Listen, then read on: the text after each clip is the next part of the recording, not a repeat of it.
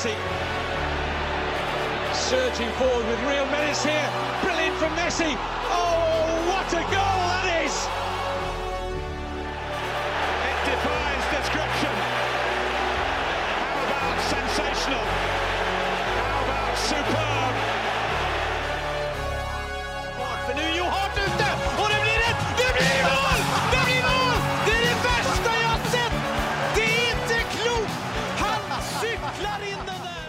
Ja da! Velkommen til episode 199 av den eh, fantastiske fotballpodkasten eh, 90 minutter. Eh, med meg i studio har jeg som vanlig Mats Granvoll. God dag, god dag. God dag, god dag. Og i dag, eh, onkel reisende Mac Søren Døpker, han er på tur, han, eh, Mats? Ja, det var et eller annet skytterstevne nede i, eh, nede i Volkswagen Arena der som han meldte seg på, tror jeg. Får håpe han kommer Levende hjem. hjem. Levende hjem. Men da måtte vi hive oss rundt, skaffe en gjest. Eh, Det gjorde vi for så vidt, og så viser det seg at han har eh, plutselig et styremøte. Ja, det er dårlig form, ass. Mm, mm. En Nottingham Forest-fan eh, der som bare kasta inn håndkleet. Mm, Og så måtte vi grave enda lenger. Ja, ble det enda dypere, det hølet, faktisk. Ja, og da var det du som eh, fikk stå for det. Og, og hva, hva, hva kom du opp med? Ja, nei, det, det ble stoppekongen på Gjelleråsen IF, rett og slett. Liverpool-supporter. Markus Nygaard. Jo, takk for det. Takk for det. Det var, det var hyggelig at du kunne stille opp på kort varsel. Ja da, det ble en time siden, så, så fikk jeg melding av Mats, og da var det bare å møte opp. Du har lyst til å være med, Ja da, ja, absolutt. absolutt. for du hører jo på. Ja, Du hører jo på. Jeg pleier å slenge inn en kommentar etter hver podkast til Mats. Så. Er du ofte enig med den, eller ikke? Eller? Nei, det er både òg. Kommer ofte med noen spydigheter, da. Ja, gjør det. Som regel spydigheter. Særlig mot Liverpool har det vært mye Ja, nei, men du har vært stillere i år, og det har vel litt med formen til Liverpool å gjøre, tror jeg. Ja. Ja. Det er ikke så mye å melde nå. Nei, jeg har vært mye roligere rundt Liverpool spesielt. Ja. Ja, men stoppekongen, sier du. Eh, Ja, det er, det er bautaen bak i Gjelleråsen-forsvaret, er det ikke det? Det er jo det. Nei, det vil ikke jeg si meg enig i, men det får bli Mats sine ord. Jeg har sett du har båret kapteinspinn òg. Ja, jeg har fått lånt det. Men jeg er jo egentlig bare visekaptein, så jeg har ikke det på Det er ikke noe fast. Nei. nei, nei. Er det du som har valgt det der, eller? Nei, det, jeg er assistenttrener. Jeg velger veldig lite, egentlig. hadde, jeg, hadde jeg for Nygaard, hadde jeg ikke vært i nærheten av. Ehm, og, og selvfølgelig, da, når vi er så Gjelleråsen A-lag tungt, så får vi ikke Gjelleråsen-spørsmål. Det er litt sånn spesielt, fordi det har jo stort sett vært Ja, men det var jo som du sa sist, da, at det er når det går dårlig, det kommer spørsmål. Eh, nå vinner vi jo, så da, da går det jo som forventa. Ja, ikke sant? Det er litt sånn. Det er samme med meg og Yota. Skårer han mål, så får jeg masse spørsmål, men uh, det, det, det er lange perioder hvor det er blikkstille, altså. Men uh, Ja, nei, altså, jeg fikk jo høre det litt, jeg, da. eh, For jeg var jo ikke med Nei. når vi vant nå sist. Eh, Da var Nystuen flyttet på på, på Gjelleråsen sin Twitter-side der og, og nevnte det, at det kanskje er best Granvoll er hjemme, rett og slett. Ja, Eh, ja, ja, ja han gjorde det. Han gjorde og han, han var jo der. Eh, Så det var litt synd at ikke jeg fikk vært med, men ja. Seier er seier. Seier er seier, ja. Um ja, vi- vi- vil du snakke litt om fotballkarrieren din så langt, eller hvor er det du begynte som spiller? Nei, jeg har jo spilt ja, ekstremt mange år i Kongsvinger, da. Før jeg kom til Gjelleråsen, så det har bare vært de to klubba. Fikk ett år for eh, A-laget der, så bare turen, turen videre hit til Gjelleråsen. Andre året mitt her nå. Så. Ja. Mange Ja. matcher ble det? For eh, Kongsvinger. Mhm. Og det var, det var én start eh, i serien og én i cupen. Ellers så har det vært noen innopp, bare. Det ble ikke, er ikke mye å skryte av. Men er det, var det når de var i andre div, eller i, i Obos? Ja, jeg fikk eh, 20 minutter i Obos, og så rykka de jo ned den sesongen. Og Ja. da ble det i andredivisjon når vi rykka opp den sesongen. Så du har 20 minutter i Obos. Ja, Ja, det, ja, det er å skryte av. Det er mer enn det jeg kan slå i bordet med, faktisk. Så. Ja, ja, faktisk meg også. det ble aldri Obos på meg, så det, så det Nei, du ser respekt for det. Ja. um, før vi begynner her Fotballmannen på Twitter han, han sier som følgende For de som oppdaga podkasten deres ved en tilfeldighet, men ikke har vært med helt fra starten. Eh, kan dere si noe om hvordan dere startet? Hva er bakgrunnen deres som gjør at dere kan så utrolig mye fotball? Først og fremst ganske hyggelig, da. At han, eh, han har, og, og, ikke minst imponerende at han har funnet eh, funnet podkasten vår ved en tilfeldighet, for vi er kanskje Norges dårligste podkast i selvpromotering. Det er helt riktig. Vi, vi, deler jo knapt våre egne episoder på Twitter, så det, der, vi, der, har vi litt å jobbe med. Eh, vi, vi, har det, men eh, hvordan det starta altså Dette begynner jo å bli Det er over tre år siden, Mats?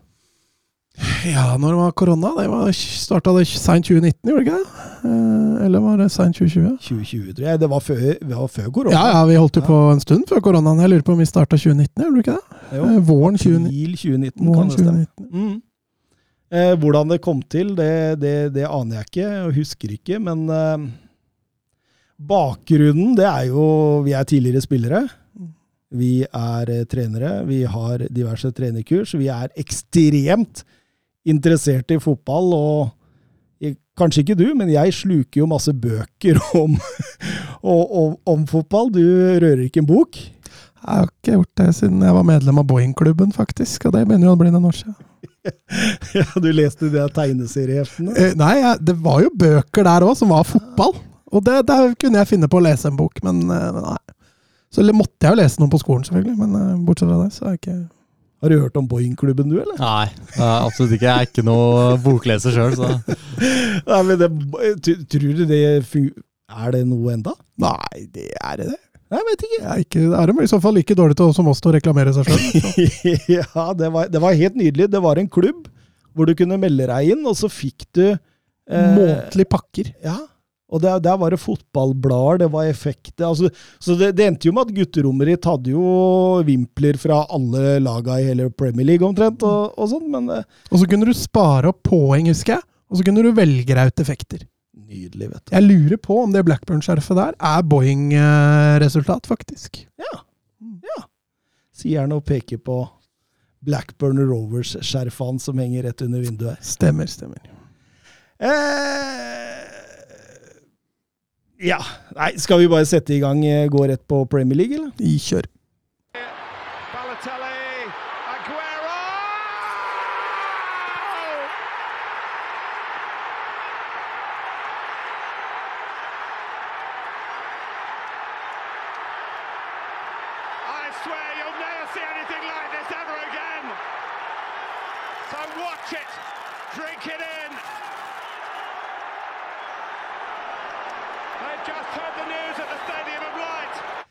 Ja, eh, vi begynner eh, med gullkampen i Premier League. Vi begynner med oppgjøret på Goodison Park mellom Everton og Manchester City. Og ja, før kampen, da Haaland eh, kåra til årets spiller av britiske journalister med 82% av stemmene. Det mest overlegne i Premier Leagues historie, Markus. Er, er du like imponert over Haaland som det vi er, eller?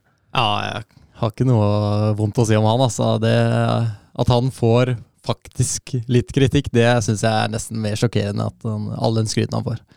Fordi han har prestert uh, i første år i Premier League. Det, bare ta av seg hatten. Ja, det er helt, uh, det er helt ekstremt. Og 82 Mats, det Jeg så det var tidenes høyeste hva skal vi si, stemme av hva man har vunnet med da, eh, i den kåringa der. Men altså, det er det var vel ikke noe større Det var ikke noe som sjokkerte mindre enn at han, han vant den, for å si det på den måten. Det som var kanskje litt større sjokk for Tottenham-folk, var at Harry Kane var ikke engang på lista. Eh, jeg regner med kanskje... Det er så skandale. Ja, jeg visste du skulle, visste du skulle dit. Du har 27 mål for et lag som knapt nok har prestert denne sesongen!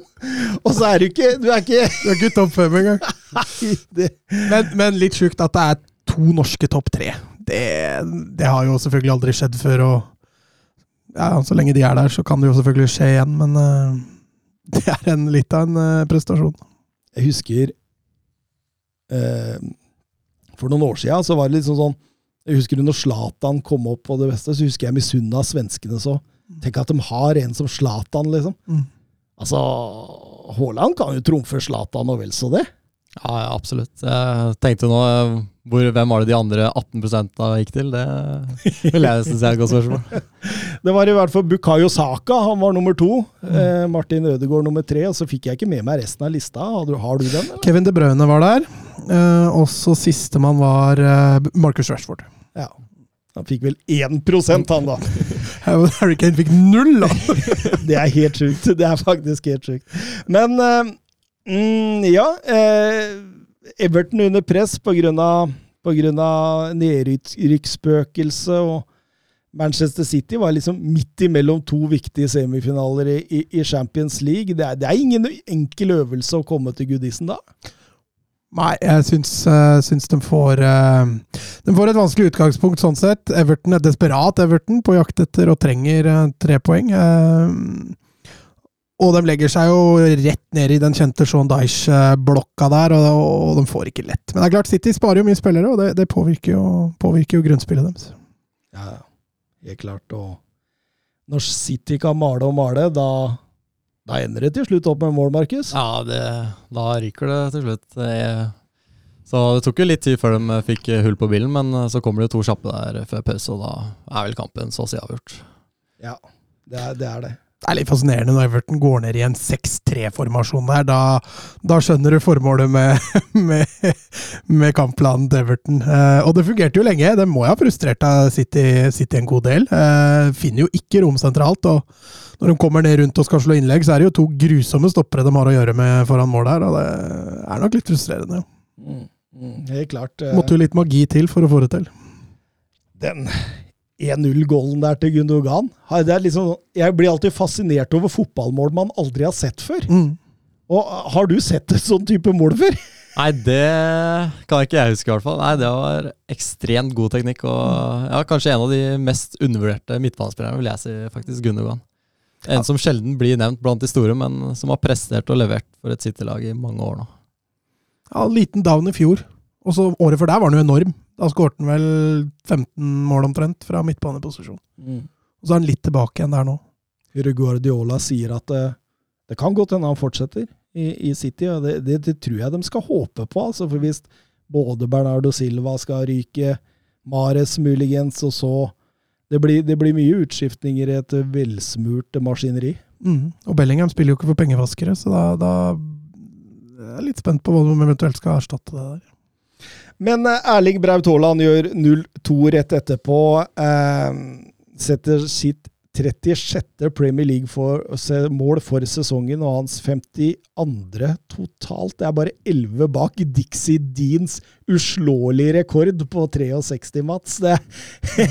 Og, og, han gjør det egentlig i Dixie Dean-land. Ja, han klarer jo ikke til å slå den. Uh, nå er det to Champions League-kamper og tre Premier League-kamper og en FA Cup, er det det?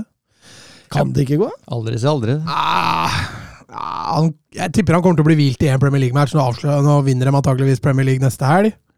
Uh, og så blir han sikkert hvilt både i forhold til en Champions League-finale og en FA Cup-finale. Og da, da, har han antakeligvis ikke mer enn en fire kamper da, på å skåre elleve mål, eller mye han har igjen. Det, det, tror jeg ikke han får til. Altså. Jeg syns han spilte overraskende lenge i helga til mm. å ha en viktig Champions League-kamp nå til midtuka.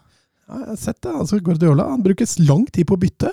Selv på 3-0 så, så, står han med laget lenge. Eh, og i motsetning til Real Madrid, da, som, som, rullerte ni mann, så rullerer jo Guardiola bare halvparten. Det er lettere å, å rullere når du ikke er i en tittelkamp, da, sånn som Altså Ja, altså Everton borte og Getafe hjemme, det er også to forskjellige motstandere, men eh, ja, de har, de har, litt mer luksus der, Real Madrid. Mm.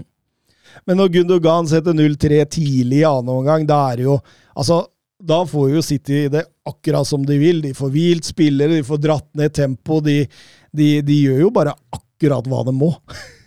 ja, de er jo mestere på å gjøre akkurat det de må hele sesongen. Og ja, den bredden de har i tillegg, da, så hva du putter inn uansett, det har ikke så mye å si. Så nei, det er en meget sterk prestasjon av City igjen. Altså. Men, men allikevel, Kelvin Phillips Han får bare tre minutter. Det kan du, det kan du banne på. at Hvis han blir bytta inn, så er det i det 87. minutt. Slå opp transportetap i ordboka, så, så, finner du bilder av denne kampen her utover i annen omgang. Det var ja, altså, det var jo en periode der Everton hadde 65-35 possession. Ja. Og det sier vel litt om hvor City prioriterte. Og da la jo Manchester City press på Arsenal, som eh, ja, fikk en must win-kamp, eh, rett og slett, mot eh, Brighton på egen hjemmebane.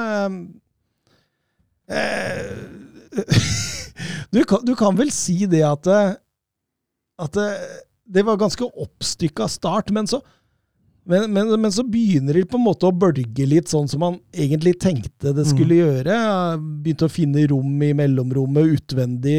Veldig morsom måte eh, Brighton gjør frispillinga si på, med å trekke inn begge bekkene og, og, kantene helt, helt ut. Mm. Så for å brette ut Arsenal-forsvaret eh, Meget, meget interessant måte å gjøre det på. Jeg har sagt det hele tida. Eh, Brighton er ekstremt gode på feilvendt rettvendt eh, i frispillinga. Altså det å slå på feilvendt, gjerne med mann i rygg, for så å legge igjen på, på rettvendt i den kampen her, i tilfelle bekkene deres. Eh, og det fungerer jo ni av ti ganger uh, når de prøver. Det er et par ganger hvor det blir noen stygge brudd, som Arsenal ikke greier å få til. men Nei, det er imponerende måten Brighton og de, og de gjør det jo i hver kamp. Bare litt små detaljforskjell. Eh, så skal det altså spilles ut. Nå gikk de fra 5-1-tap mot Everton sist, og så vinner de altså fullt fortjent borte mot Arsenal. Det er, eh, det er veldig imponerende. Har du latt deg imponere av Roberto Di Serbi? Ja, altså med Brighton i noen av de kampene og resultatene de har fått, så har man jo blitt imponert. Men uh, man ser jo også litt uh, Stabiliteten er ikke der ennå, da. Når de taper, uh, var det 5-6-0 mot uh, Wolverhampton tidligere, så i enkeltkamper, ja, veldig imponert. Og så er det da å få den stabiliteten da, for å kunne kjempe oppe i topp seks og europaplass videre, da. En ting jeg legger merke til med Brighton, det er også, og som du på en måte Altså eh, Se hvor, hvor sjeldent eh, spillere passer ballen hvis det ikke er press. Mm. De venter på presset hele veien, overalt på banen. Altså, du kan, du kan nesten telle på én hånd i løpet av en omgang de gangene man slår ballen uten press. Ja, Nøytral pasning, ja. ja. Det, det, det, det, er ganske ekstremt, altså. Nei, De er ekstreme på det. Til og med stoppere tør å ta, dra på seg press gang på gang på gang. Eh, både i frispilling og, og, når de kommer høyere i banen. Og, og Man tjener jo enormt på det, da, for man drar jo motstanderen gjerne litt ut av, uh, ut av fatning når du gjør det, og du åpner rom andre steder. og så lenge du har et klart system på det, da, så tror jeg ikke Brighton-spillere er noe særlig stressa over det heller. Nei, jeg tror det faller veldig naturlig å gjøre det. Eh, veldig interessant eh, måte å spille fotball på. Veldig mm. sånn innovativ. Veldig sånn eh, det, det, det, er litt sånn du, du, har ikke sett det helt før? Nei, men også er det sånn da, at når du da har fire-fem spillere da, som ikke greier å skru på bryteren helt, så taper du plutselig 5-1 da mot Everton. Ja. Eller 6-0 mot Wolverhampton.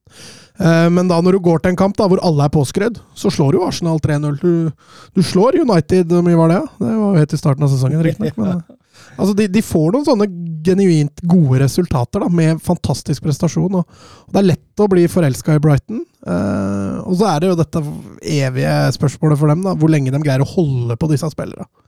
For Greier de én sesong hvor de greier å holde på, så kommer de jo til å etablere seg høyt. ikke sant? For det utover i omgangen, Markus, der, så er det jo Altså, Det er jo et Arsenal-lag som rett og slett ser sliten ut, og det blir, blir egentlig rundspilt av Brighton. Ja, ja, de sliter jo litt med det motsatte av City. Da. De har jo ikke den bredden i stallen som City har, og har jo brukt mye av de samme spillerne. Så nå er det jo slutten av sesongen, så er det ikke noe rart at man blir litt sliten. Og ser nok ulempen da med å ikke ha den stallen som City har. da. Det var vel en av hovedpoengene mine når jeg sa at det var 80-20, Mats. Ja, ja. Og jeg har bare sett det tydeligere og tydeligere nå. altså Arsenal underveis mot Brighton var jo rådville. Altså, de, de, fant jo ikke ut av det. Eh, Martinelli måtte tidlig ut der, og Trossard virka det som ikke hadde lyst til å spille mot Brighton. Han, han, var jo helt borte. og da Når du da ikke er god på det du har vært god på tidligere i sesongen, da, dobling på kant, det, det å være flink å finne, finne rommet mellom stopper og bekk eh, Martin Ødegaard ble jo, var jo nesten ikke synlig. Eh, og, og, Brighton er, eh, er, flinke til å nøytralisere det utover i matchen, så, så, det ser nesten ut som Arsenal gir opp. Eh, 2-0 så er det jo kjørt, og så får de i tillegg da ja, den 2-0 er jo en gedigen tabbe av Trossar i tillegg, da. Uh, og da Nei, det er uh, veldig imponert av Brighton og, og skuffa av Arsenal. Det var, jo en, det var jo en kamp de måtte vinne uansett om City vant eller tapte. Og nå, når det da likevel blei tap, så, så, er jo seriegull antakeligvis gone. Ja. Fire, kamp, fire, poeng opp og to kamper igjen. Det ja, Daniel Ødegaard spør er det 99-1 nå, eller? Nei, jeg tror det er 100-0. Ja, eh, jeg tror nok fort Arsenal kan vinne de to siste, for all del, men at City skal gi fra seg dette, er jo utopi, flyvende griser, eh, snøballer i helvete osv. osv. Det er ikke Altså, Målforskjellen er også såpass brutal da, at City kan antageligvis klare seg med to uavgjort og et tap. Eh, mens Arsenal må vinne de to siste, så uh, Jeg tror nok løpet er kjørt for lengst. Altså, det er, det er 100-0 nå. Fredrik eh, Konradsen på Twitter han, kontakta meg privat også, for han lurte på rett etter kampen hva, hva syns du om den kampen her? Han, det som han, han var ganske sjokkert over hvor dårlig Arsenal hadde vært utover i annen omgang der. Men han, han spør i hvert fall hva i alle dager skjedde med Arsenal? Det så ikke ut som de hadde noe å spille for i kampen der. Nei, men det er litt sånn som jeg sa, da. altså Utover i matchen der, så, så altså, De finner ikke ut av Brighton. da. Eh, De greier ikke å gjenskape det de sjøl er gode på. Og, og de små detaljene som man endrer underveis der, da. Altså den Trossar-linken som kommer inn der, Tierney på venstrebekken, er nesten ikke involvert uh, høyt i banen i det hele tatt. Og, og det Arsenal har vært gode på med at de trekker seg ut på høyre, for så at Saka kommer inn, og så spiller han inn i banen, skjedde jo nesten ikke. Uh, og da er det jo litt sånn Jeg, jeg tror de ble litt målløse der etter hvert. Altså, de, de, de hadde det rett og slett ikke inne. Nei, absolutt. Det så jo Nå sitter vi med Liverpool-supporter i studio her, og det, det ser jo, så jo nesten litt ut som Liverpool når de ikke var Liverpool. Altså, det er det samme med Arsenal her nå. at Når, når, det, når den intensiteten ikke er der, når det trøkket ikke er der, når man liksom på en måte returjobbinga Du ser det jo der òg. At de, de, de eh, så, så, så, så blir det jo litt sånn at man ser ut som ikke, en, utgave av som, som ikke er seg sjæl. Absolutt. Det er jo, det er jo skikkelig tøff kon konkurranse i eh, Premier League, så er du litt av der, da blir du straffa hardt. Ass. Spesielt mot lag som Brighton, da, i ja, en relativt god form om dagen. Så. Men uh, Arsenal-fans, det har vært en fantastisk sesong. Det har vært god læring. Jeg tror den unge troppen har fått enormt mye lærdom av dette her. Eh, erfaringsbasert kunnskap som er vanskelig å få hvis du ikke er i den situasjonen der. Og Edu og Arteta de veit jo det at det de driver med nå, det fungerer. Så, så, så gjelder jo selvsagt å få større bredde på dette her. Trenger litt forsterkninger. Og så, så vi jo og så ser jo dette unektelig bra ut, gjør ikke det? Jo. Nei, altså, de er jo inne på riktig spor her. Det, det ser de jo rundt også. Så, så lenge de ikke vinner noe, da, så vil jo ikke denne gjengen bli mett. Eh, sånn at å gå, å gå til neste sesong også med, med noenlunde samme mannskap, pluss da de forsterkningene du snakker om, så mest sannsynlig er de jo være enda nærmere City neste år, da. Men da må de ha en ny nummer ni, eller? Ja, Diogo Jota, mener du? Eh, jeg tenker på Gabriel Jesus som eh, Altså, Niere fins jo ikke å få lenger. altså, du kan få dem, men de blir dyre. Jo, men de dyre tror jeg, jeg tror ikke du får dem. De drar andre steder. drar andre steder. De. Eh, Tor Christian Stensrud, Spurs var vel i ledelsen i ca. 17 minutter året Leicester vant, og blir kalt Bottlers. Hva skal man da si om Arsenal, som faktisk leda i 250 dager denne sesongen? Jeg tenker jo Tottenham-supportere finner gode nyheter der de kan, da, tenker jeg. Det er det første jeg tenker når jeg hører det. At eh, årets sesong er såpass dritt at det er greit å få, få kose seg litt med Arsenal, som driter seg ut der. Eh, nei, selvfølgelig kjempekjipt for Arsenal eh, å lede nesten hele sesongen, og så choke på slutten. Nå hadde de vel antageligvis havna bak dem tidligere hvis City ikke hadde hatt hengekamper. Men eh, Nei, altså, selvfølgelig. Jeg skjønner fryden fra Tottenham-supportere. Gjør det. Men samtidig må jeg si det at jeg ville heller hatt Arsenal-sesongen enn Tottenham-sesongen. Jo, men når du har hatt en Tottenham-sesong, da, så er det jo greit å kose seg litt med andres failure, hvis du skjønner hva jeg mener. Egen suksess er vel og bra, med andres fiasko er heller ikke å forakte. Er det litt sånn? Vil jo si at uh, Arsenals sesong nå har jo vært uh, ganske lik Liverpool uh, tidligere, når de har tatt uh, for City med ett poeng her og ett poeng der, så Jeg har vel heller hatt en sånn sesong, men det er også jævlig kjipt, for å si det mildt. Ja, det er jo det. Og Arsenal har jo ikke vunnet like mye som Liverpool i det siste så det er sikkert enda verre der. Jo men de ser nok Jeg tror nok når denne sesongen er ferdig, så tror jeg nok de fleste Arsenal-supportere setter seg ned og tenker at dette har vært bra. Eh, jeg tror, Men Mi- Mikkel Arteta han er ikke noe Arsenal-svar på Brendan Rogers. Altså, jeg så det figurerte noen sånne diskusjoner. ja, men jeg sa Arsenal-supportere, da. Ja, men jeg, jeg tenker på i forhold til Altså, er det gitt at dette treet vokser til himmelen, eller? Nei, det er det jo ikke. Det er ingenting som er gitt. Eh, men, men eh, altså, vi har sett ganske god framgang på Arsenal siden Arteta tok over. da. Det var liksom litt i starten hvor det butta litt, men så har det liksom gått framover. da. Og grepa som har vært gjort, har vært veldig bra eh, og riktig. Og de har sportslig suksess nå å vise til i tillegg. Så det er lettere å bygge på dette da, enn å bygge på der han var for to år siden. Eh, så at eh, sannsynligheten øker for at Arsenal tar et trofé i løpet av ett eller to sesonger, det, det tror jeg absolutt er en god mulighet for. Syns også det er morsomt å tenke på at eh, det var ikke han var ikke langt unna å bli sparka i Arsenal tidlig når han fikk jobben heller, så, og så har det snudd så til de grader den sesongen. Så jeg er veldig for at trenerne får litt tid da, til å bruke overgangsvinduer, bruke tid på å sette en stall. og ja, Man ser at det er ikke mange som får det nå lenger, men Arteta er et prakteksempel på at det kan snu. da. Fra en sesong til en annen. Du hadde ikke fyrt Potter du etter tre uker? Eh, nei, jeg tror ikke jeg hadde gjort det. nei. Eh, Petter Halseth, eh, hvor god er egentlig Moise Caicedo? Er han en worldbeater? Hva tenker du om det? Ja Jeg har ikke sett altfor mye av han, men jeg har hørt mye, eh, hørt mye godt om han. Altså. Spennende spiller sikkert, tror jeg absolutt. Ja, hva, hva tenker du, Mats? Nei, altså, du så jo Bizuma, da. Han var jo litt samme rollen i Brighton før han gikk til Tottenham, men han har jo ikke slått gjennom der ennå, så eh, Akkurat den rollen han spiller, og eh, laget han kommer fra, gjør at det vil selvfølgelig være tvilere der, men jeg syns allikevel Caicedo sitt toppnivå nå, eh, samtidig som han viser en, en evne da, altså, Nå er han inne og briljerer på høyrebekken også, så han viser jo en allsidighet da, eh, som, som ikke så mange andre har. da. Eh, når du tenker world beater, tenker han da en ny Casemiro, liksom, i den Ja, rollen? Er det det vi er, Eller en Busquets, liksom? Ja.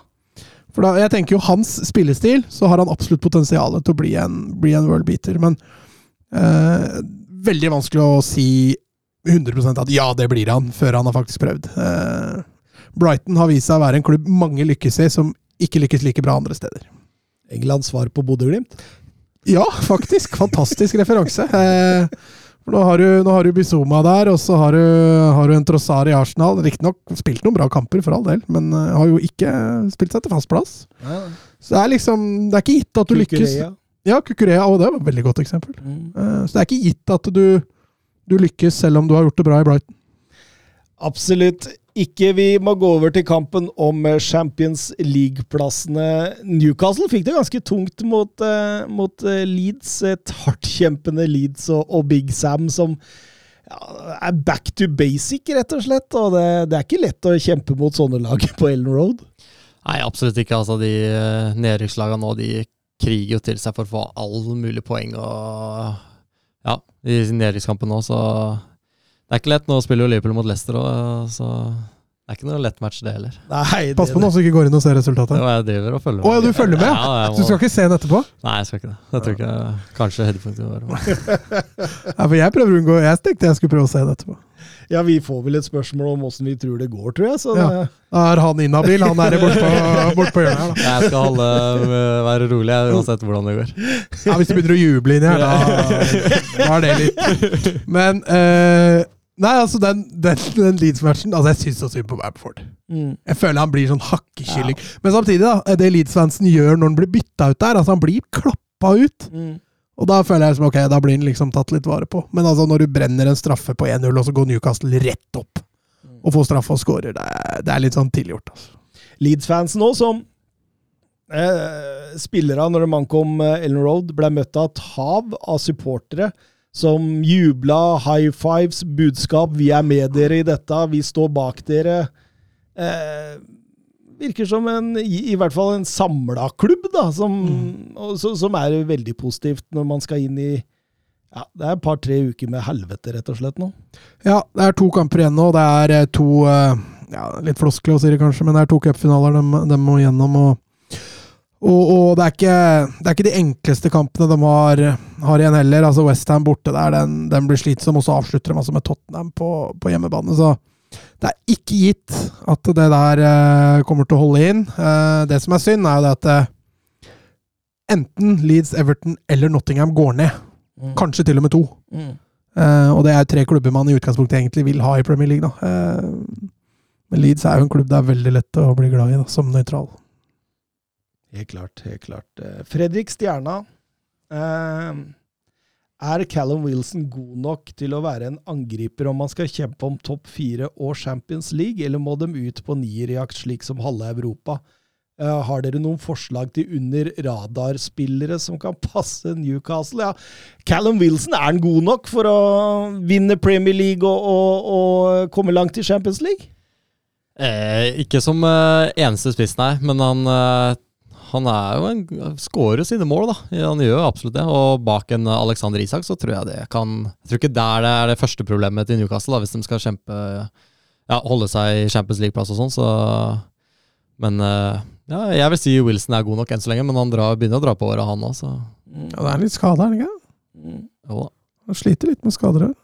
Han har gjort det. Men, men for eksempel en Kolomani, en Vlaovic, det er jo mulig å hente det hvis du har Champions League-spill. Vil Mm. de ikke profitere mye på det, eller er, det rett og slett altså, kollektivet Newcastle, Callum Wilson, er en, er en uh... Så Neymar ble linka nå, tenkte jeg på kollek kollektivet Newcastle. Den hadde fått en ordentlig smell hvis han hadde dukka opp. Uh... Altså, Jeg er litt enig i kollektivet Newcastle, altså den, men der tenker jeg sånn som en, en kolomani Det hadde passa mm, utmerket. uh, og er jo en klassespiller. Eh, men da er det jo litt tilbake igjen. da, Da begynner de å få veldig mye spiss. og Så har Isak også prøvd seg litt på kant, og der, der kan han jo fungere, i hvert fall offensivt. Eh, eh, Callum Wilson er jo en nier. Altså, Jeg tror ikke du kan bruke han andre plasser på banen. Eh, så jeg er delvis enig med, med Markus at det er, hvis han ender opp med å være førstevalg på topp der, så er ikke det bra nok. Da må de ha, da må de ha noe annet.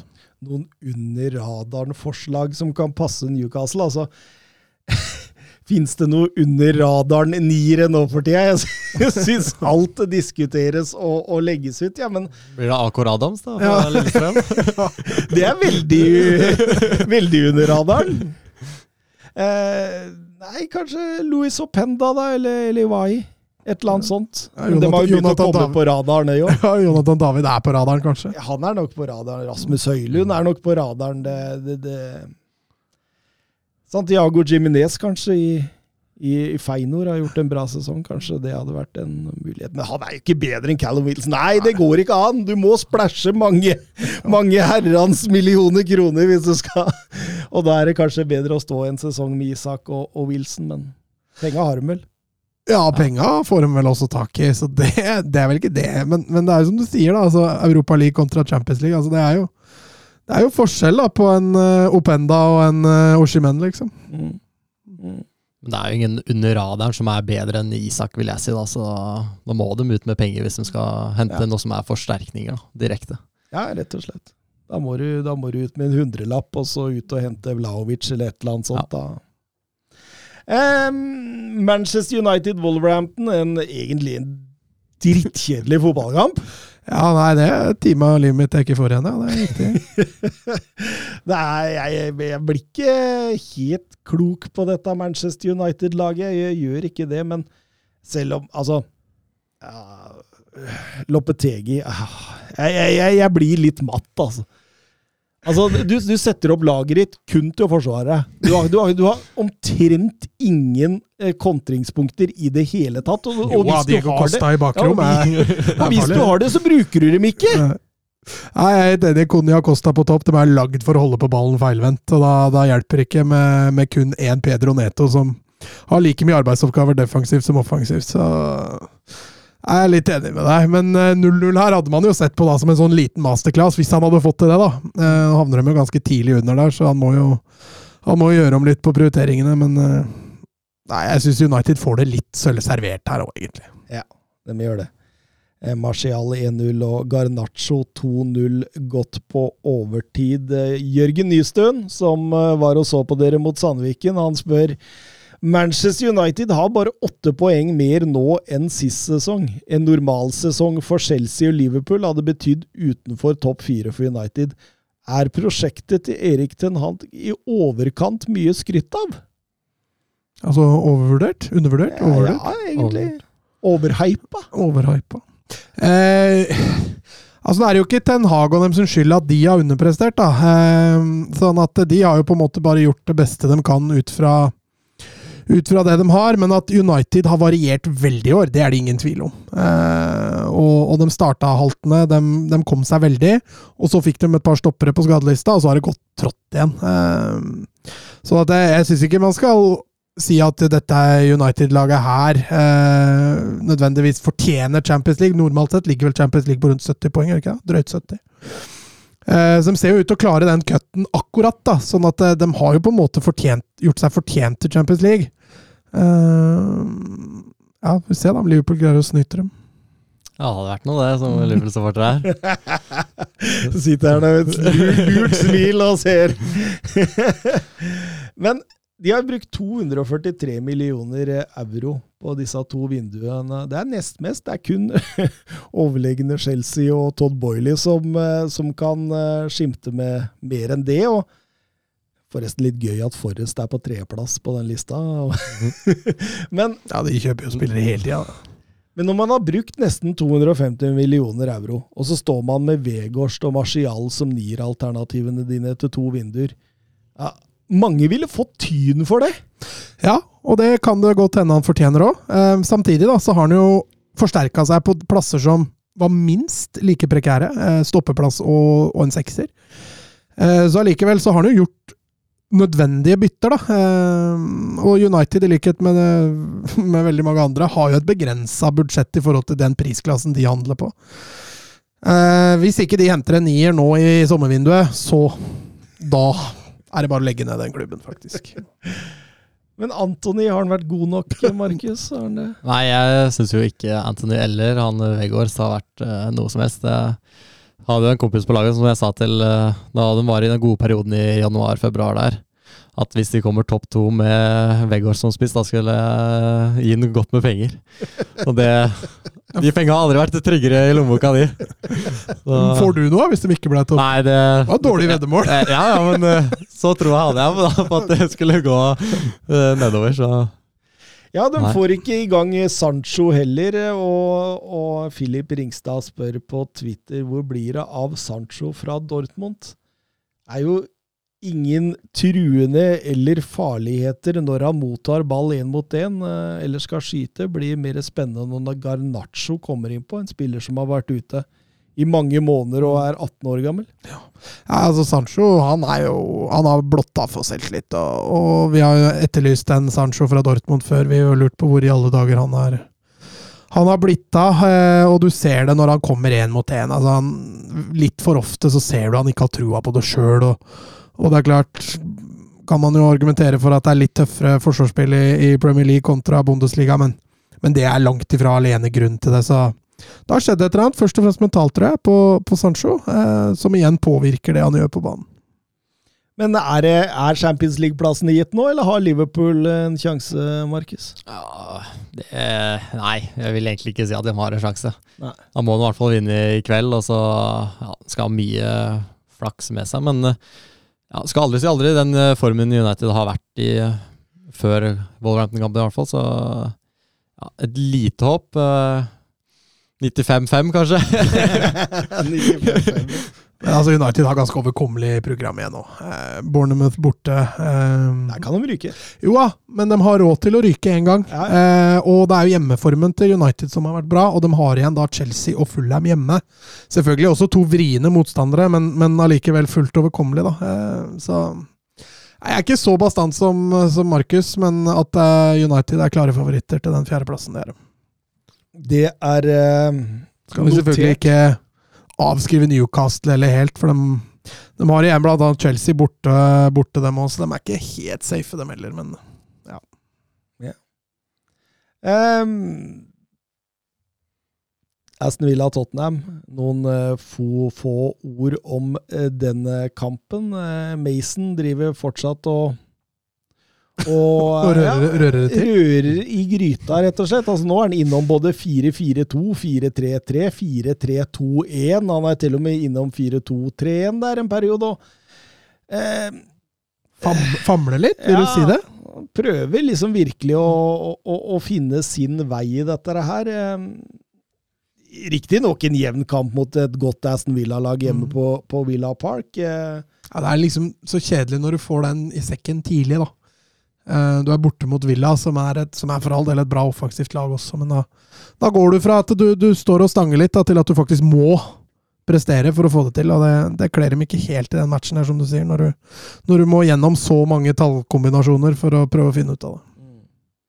Altså, ser, de kunne jo spilt seg fri med Martinez i hvert fall ti ganger, hadde timinga sittet bedre. De gikk jo offside etter offside etter offside etter offside der, og det eh, da, da, vinner du ikke kamper. Og selv om eh, Hoeng Min Son setter 2-2 på over overtid, også i offside, så sier det det aller, aller meste om kampen. Aston Villa vinner den og, og tar seg opp A-poeng med Tottenham. Og Kasper Viktor Ruud Haaland har reell interesse fra Villa på Giovanni Lo Celso. Hva tenkes om det?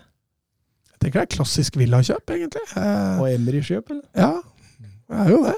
Eh, men det er jo en spiller som ikke har fått det til i Premier League. Jeg tenker jo litt sånn at det går i Coutinho-fella her, men at du får en spiller som er litt overhypa. Jeg, jeg tror Lo Celso gjør best i å holde seg i La Liga, hvor han beviselig har prestert veldig bra.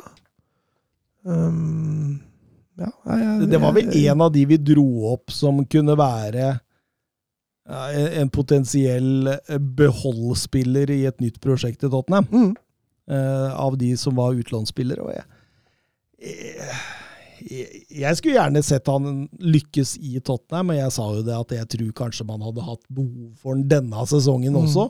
Uh, og så syns jeg det er veldig dumt å, å, selge til Villa nå, da, som er sånn ekstremt satsende. Mm, blir banke, en direkte konkurrent. Mm, banke litt på døra for å ta over. og det hvis du får velge nå, Conference League eller utafor Europa? Utafor Europa. Ja, ferdig, da. Ferdig. Eh, Chelsea, Nottingham Forest eh, endte 2-2. Den tok jeg mest med fordi jeg tenkte Martin uh, skulle få lov å prate litt Nottingham Forest, men han dro på styremøte. Men vi, vi fikk en del Chelsea-spørsmål, så vi kan like godt dra gjennom de. Bjørn Erik Skorge spør om Colwill bør vel være fast, fast under Porcetino? Ja. Nå er jo ikke Chelsea kjent for å lykkes med stoppera sine denne sesongen, så at å få inn litt uh, friskt blod der, det, det, er vel ikke å forakte det. Samtidig, den stoppeplassen skal allikevel konkurreres hardt for neste år, altså. Den må det. Ja. Med, det, med Todd Boiley innkjøp, så kan det jo godt hende komme to og tre og fire nye stoppere òg, kan det ikke det? Ja, det vet man aldri hva som kommer inn. Plutselig, fra den ene dagen til den andre, så har det kommet to nye. Så. Ja, der sitter dollarsen løst.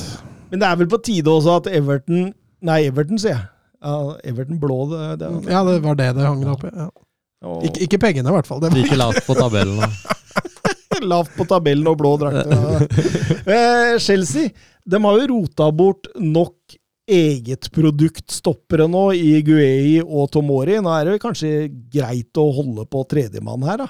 Ja, Sjaloba og Haremi i bakhånd som ikke har slått til, så de har kanskje beholdt feil, eh, feil mann. Eh, ikke det at han sikkert har gitt den opp ennå, men eh, helt Helt, helt enig. Gesundheit, er ikke det Nei, jeg er helt enig, men jeg syns de har slitt med alle Med den der gylne generasjonen sin. Det er jo ikke mange der de har fått å, å blomstre. Det er vel nesten bare Reece James som virkelig har slått gjennom, nå som Mason Mount er i ferd med å dale litt. så Altså, nå har du en Tammy Abraham og Tamori i, i Serie A, og så har du en Guay i, i, Palace, og en Gallagher som knapt nok får spille i Chelsea, sammen med Mason Mount. Så ja, enig, den bør jo få til dette her snart. Nå kommer et eh, litt sånn interessant spørsmål fra Torjus Hansen. Er det ikke rart at Nagelsmann virker å bli oversett både av Chelsea og Tottenham? Hva kan grunnen være? Porcetino går til Chelsea, mange rykter i forhold til Tottenham. Men hvor ender man opp i dette summa summarum? Altså, det er litt sånn merkelig. Chelsea hadde den til intervju, sa at han var ikke aktuell mer, og så skjer det samme i Tottenham. Hva, hva sier han på intervju? Ja, eller, hva, hva, er, hva er det han lirer av seg på det intervjuet? Er det krav, eller hva, hva er det kan Nei, altså, jeg også tenkte jo Hva er ryktet der til Tottenham nå, da? Hvis ikke han lenger er på toppen av den ryktebørsen? Nei, nå går det litt på de Ruben Amorim og De Serbi og Arne Slott og den gjengen der. Altså, den som får De Serbi, sitter jo igjen med tjing, Det er ingen tvil om. Eh, nei, altså, det kan jo hende det lukter litt Real Madrid av dette her nå, da. Eh, jeg tenker jo Nagelsmann Jeg har sagt det før, jeg tenker Nagelsmann kan passe Jeg syns han passer bedre i Real Madrid enn Tottenham. Eh, må kanskje lære seg språket, men eh, Angelotti mest sannsynlig gone til sommeren. En Nagelsmann inn der lukter det litt av, faktisk, når Chelsea og Tottenham takker nei. Jeg blei så overraska. Det er liksom en av verdens beste unge trenere, liksom. Altså merittliste allerede lang som Eller lenger enn de aller, aller fleste. Jeg skulle jo tro at eh, det var en mann man ønska å ha inn som en trener, men eh, ja, prosjekt eh, Chelsea er jo livsfarlig å bli ut på, tror jeg. Med de eh, pengene og forventningene der, så kanskje like greit å holde seg unna. Men jeg, jeg tenker også på Daniel Levi. da. Hvis han ikke treffer nå, så vil Julian Nagelsmann-navnet alltid være Altså, de, de vil bli brukt mot den, da. At uh, her fikk du sjansen til å ansette Nagelsmann, og så gjorde du ikke, og så ansetter du La oss si eksempel Ruben Amorim isteden, da. Og så går det går gærent. Altså, det er jo bare nesten tap-tap. Altså, Ja, så historisk sett med portugisiske trenere. Har ikke vært veldig vellykka i Tottenham. Nei, absolutt ikke. Og Team Sherwood var ute nå og sa 'gå all in for Roberto di Serbi', sa han eh, til Daniel Levi. Vanskelig å være uenig i det, eller? Ja, som jeg har sagt før, det er klart nå skal være litt forsiktig med å hylle ham for mye etter tre kvarter i Premier League, men han har jo vist så langt, De Serbi, at det han har å komme med, det steget han har tatt videre da, på det Potter-prosjektet nei, det, det ser lovende ut. Og så er det klart det at det, han har, får jo Dunk til å se ut som en god spillende stopper. Da klarer han det sammen med Eric Dyer. Vet. Og så veit man at han var eh, strålende i Sassolo, og bygde bra der, og, og riktignok bra i Sjaktar òg, så langt det holdt. Så, så det er jo en trener åpenbart her som eh, er både innovativ og, og ekstremt kunnskapsrik og god på feltet, vil jeg tenke. Altså, det, er jo der styrken hans må komme fram når du får til et sånt kollektiv på så rask tid. da, fordi altså, Potter Jo da, han dro prosjektet dit, men det her er jo videreført Mm. mange ganger, så. Eh, Oscar Pepito vinner Liverpool mot eh, Leicester i kveld, og vil Liverpool da fortsatt kunne drømme om topp fire, spør han. Eh, Da spør jeg ikke Markus, som sitter og følger med på kampen. Og vi ta oss Men kan du spørre hvis de vinner, om han fortsatt kan drømme. Ja, det kan vi gjøre. Det kan vi gjøre. Men nå Jeg tror jo svarte Liverpool må vinne alle de siste for å ha en ja, liten sjanse i det her. Og at de gjør det, det er det jo ja, Nå har de jo vunnet de s- var det seks siste kampene i Premier League nå, så ja, stabiliteten har jo kommet, men eh, nei, aldri sikker på Liverpool i år, altså. Det, Nei, jeg tror, jeg tror Liverpool vinner eh, med 1-0 eller noe sånt. Er ikke det de har vunnet de fire av seks siste, eller Det har blitt med ett mål, det. Så. Så 1-0 er vel et godt resultat der. Og ja, jeg er enig med at så, Jeg er på at uh, Jeg skal si 80-20, da. På at Liverpool ikke klarer det. Men Oskar Caveio Holman spør hva tenker dere om at Klopp nå må ut og forsvare Darwin Núñez? Eh, hvorfor har han ikke blitt det Thomas lovte han skulle bli, står det her. Jeg var jo bombesikker på at dette her kommer til å bli eh, ja, tier på børsen fra dag én. Ja. Eh, Fulgte den en del i Benfica og var helt, helt strålende. Men Klopp sier jo i denne Kall det gjerne forsvarstalen at vi må gi han tid. Eh, du er enig i det, eller? Ja, jeg har også veldig troa på Darwin Nunes. Jeg tror Liverpool egentlig er i et litt sånn, hva skal vi kalle det, venteår. da. Man har fått en litt nye spillere, fått noen ut som er eh, ja, som Mané, da, som har vært viktig. Og det å få bygge lag igjen, da. Få de toppspillerne til å øve på det presset sitt. Det Ser ut som kanskje begynner å sitte nå, da, får vi håpe det, at eh, de klarer å bygge videre på det inn mot neste sesong. Så trenger du noe nytt på midtbanen der, så får vi håpe. Mm. Så Ryan Gravenberg kunne være på vei nå. Det, det er jo en spennende spiller, det. Absolutt. Ja, han er vel uh, First Price Bellingham, men eh, det er vel greit. Det var det First Price Paul Pogba, var det ikke? Var det det det var, ja? Men eh, det blir spennende å se. Hva, hva tenker vi om nedrykkskampen her nå? Southampton er eh, nede. Ehm, to lag må, må slå følge. Ehm, det er tett og jevnt. Eh, Jeg regner med Westham har klart seg på 37 poeng på 15.-plass. da det er jo to av fire, disse Nottingham, Everton, Leeds og Leicester, som står igjen. da. Mm. Jeg bare tenker at vi bomma grovt på tabelltipset vårt. I, i nedrykksstriden, altså. Det tror jeg de fleste gjorde. Men Forrest, der, Forrest kan vi treffe på, for de hadde vi rett over nedrykket. Så dem kan denne vi treffer på i bånn der. Det var ikke lett å forutse de greiene der. Fullham og Brentford i, i toppstriden der. Vi var helt sikre på at Brentford Ja, skulle få seg en Bournemouth Ja, hadde vi jo helt Ja, i bånn der. Nei, det var eh, Nei, det var ikke så lett å forutse. Den. Newcastle på tredje og Nei, det, det Nei, men Altså Ja. Chelsea og Liverpool Ja, Ja. Liverpool begynner jo å nærme seg nå, da, men Ja. Chelsea der nede hadde jo Det, det, det var vanskelig denne sesongen, ingen tvil om det, men kan det hvem, hvem, hvis, vi, hvis vi ser på hva, hvem lagene har igjen, da f.eks. et Everton som har Wolverhampton borte og, og Bournemouth hjemme. Det er jo store muligheter for seks poeng der. Da, da, da vil jo Everton kunne holde seg. Eh, Leicester etter Liverpool har igjen Villa og Southampton. Det er jo også Altså, Villa er ikke enkel, men eh, på hjemmebane enklere, og, og Southampton, som er allerede nedrykk, det, det, det burde gå greit. Eh, Forrest har Arsenal og Palace. Den ser stygg ut. Så har også Palace det laget med best margin da, av disse her. Ja. Og, og, og, eh, Nei, Forrest, unnskyld. Forrest, ja. og Leeds uh, har igjen Westham og Tottenham, så hvis man skal altså, men, men så er det jo som Markus er inne på her, da, nedrykksstriden og alt det der. Det er, det er vanskelig å forstå seg på. Det er ekstremt vanskelig, og det er utrolig hva hva slags energi man kan få da i en kamp eh, hvor det plutselig bikker litt din vei. Du får en tidlig scoring og sånn, og da får du jo enormt troa på det. da. Så alt kan jo skje i disse kampene her. Så at Leeds nå har bomma på den straffa for Bamford der, det kan jo være helt avgjørende i nedrykksstriden der. Absolutt. Men hvis du skulle tippe nå to som tar følge med Southampton ned Eh, Da tror jeg det er de som ligger nede der nå. Leeds og Leicester. Ja, du, du, bruker å ha meg til å tippe òg. Nei, jeg er litt redd for Leeds, jeg, altså. Jeg, jeg, jeg frykter det verste der. Um, og Leicester de har sett daue ut lenge nå, så jeg er enig med Markus. Vi snakka jo om at eh, å ansette Dean Smith for å, for å dra dette, det Nei, det var jo litt å skyte seg sjøl i foten, enig i det. Men så er det som du sier, da. Altså, det kommer litt an på hvor grensa kommer til å gå til slutt. da. Altså, Hvis det holder med 35 poeng, eh, så er jo Forrest bare ett poeng unna. Eh, men Severton må ha seier og uavgjort. Og da Nei, jeg tror, jeg tror nok de, de går greit. Eh, Det er ikke sikkert Forrest trenger mer poeng heller.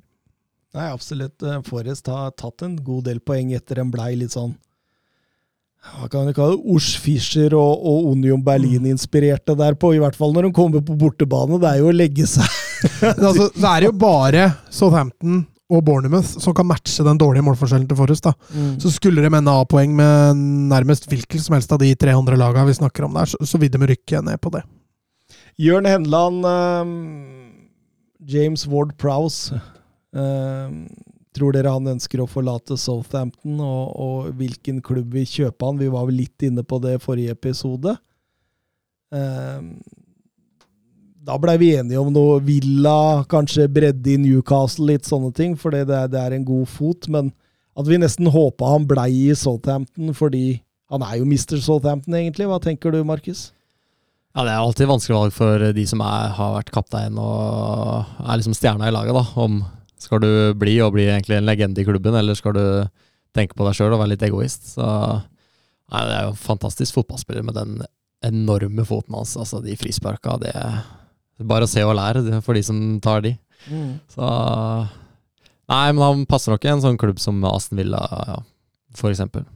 Lene Olsen sa jo etter LSK-nedrykk at uh, jeg har vært med på å spille dem ned, og jeg føler et ansvar for å spille dem opp igjen. og Det hadde jo vært det ultimate for James Ward Prowse, da, som har vært der siden han var liten guttunge.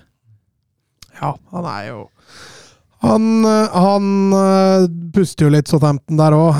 Southampton som, som Hadde de tatt tilbake alle disse stjernene de har hatt en gang i tida, så hadde de fått et eventyrlig fotballag. Han er jo en av de som har blitt. Eh, så man unner jo han litt, og, og tar dem eventuelt opp igjen. Samtidig så, så har han forstått det veldig godt hvis han ville, ville for å, å rykke rett opp igjen fra championship. Det er ikke så mange som gjør. Det er ikke så mange som gjør, nei. Geir Halvor Kleiva lurer på hvem vi håper eh, rykker opp til Premier League via playoff-plassen.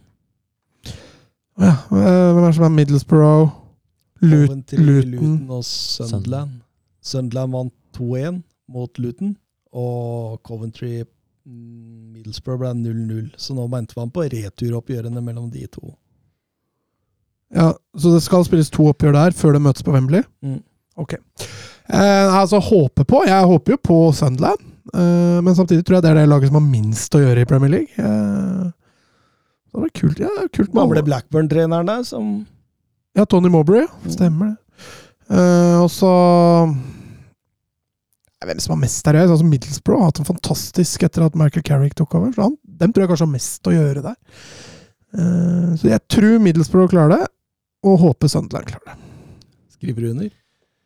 Jeg håper Sunland og Middlesbrough har også vært litt kult. Men eh, Og Luton, for så vidt òg. Har du sett den stadionen til Luton, eller? Det hadde vært noe i Premier League, det.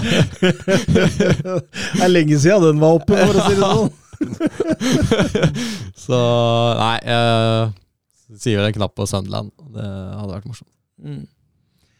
Bjørn Erik Skorge, hva tenker dere om kampen som er i gang om engelske talenter etter brexit, ender med at lønninger og bonuser på akademi skyter i været?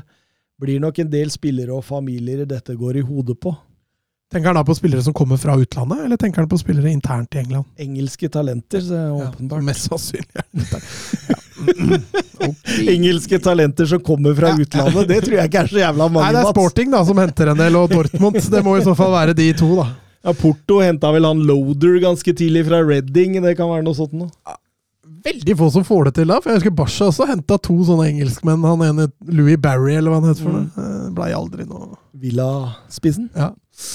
Eh, nei, altså, altså når, når, når spillere i 15-16-årsalderen tjener mer enn det du og jeg noen gang kommer til å gjøre, så er det er jo noe riv ruskende gærent, selvfølgelig. Eh, du tar jo bort en åpenbar motivasjon for mange av spillere som kan slå veldig uheldig ut for, for veldig mange.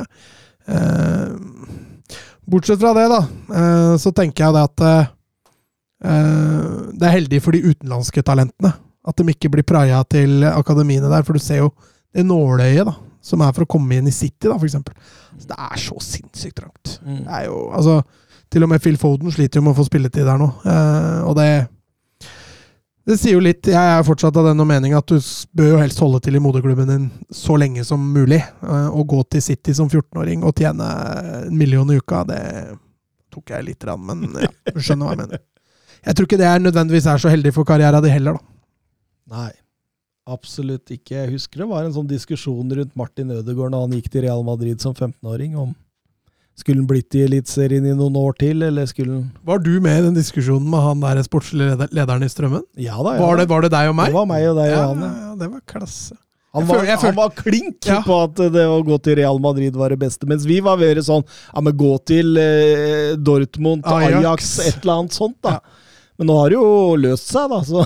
Du ser jo Haaland da, og Ødegaard er jo to vidt forskjellige. da, der Haaland tar jo mer grad for grad, mens Ødegaard går helt opp. og Begge har funka for de to, da, men jeg er nok mer for den Haaland, jeg Å ta et steg av gangen da, og herje hele tiden, på en måte. Finne et nivå du kan være ekstremt god i, og bare bygge, bygge selvtillit hele veien. Det var derfor du kom til Elleråsen, altså. Ja, Jeg så det på deg! akkurat derfor. Kommet til et nivå hvor du kan herje. Ja, ja. Eh, Snart, snart er han på Åråsen, vet du. ja. Men jeg følte vi fikk litt mest rett i den diskusjonen. For det var jo først Han lyktes jo aldri i Real Madrid. Nei, nei. Selv på reservelaget til Real Madrid så var han jo aldri det store. nei, nei.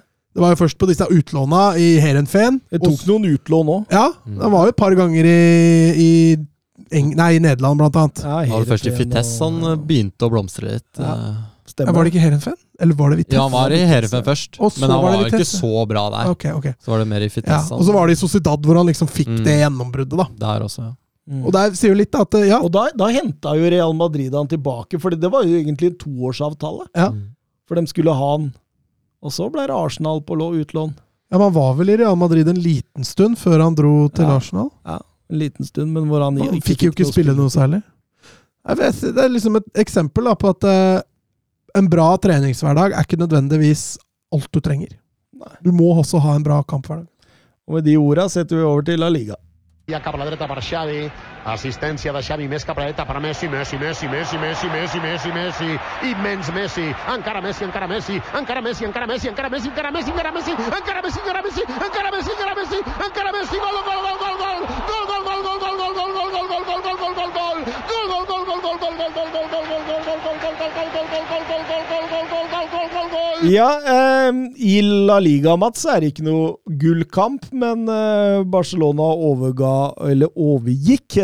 det, seg selv og skårte fire mål. Ja.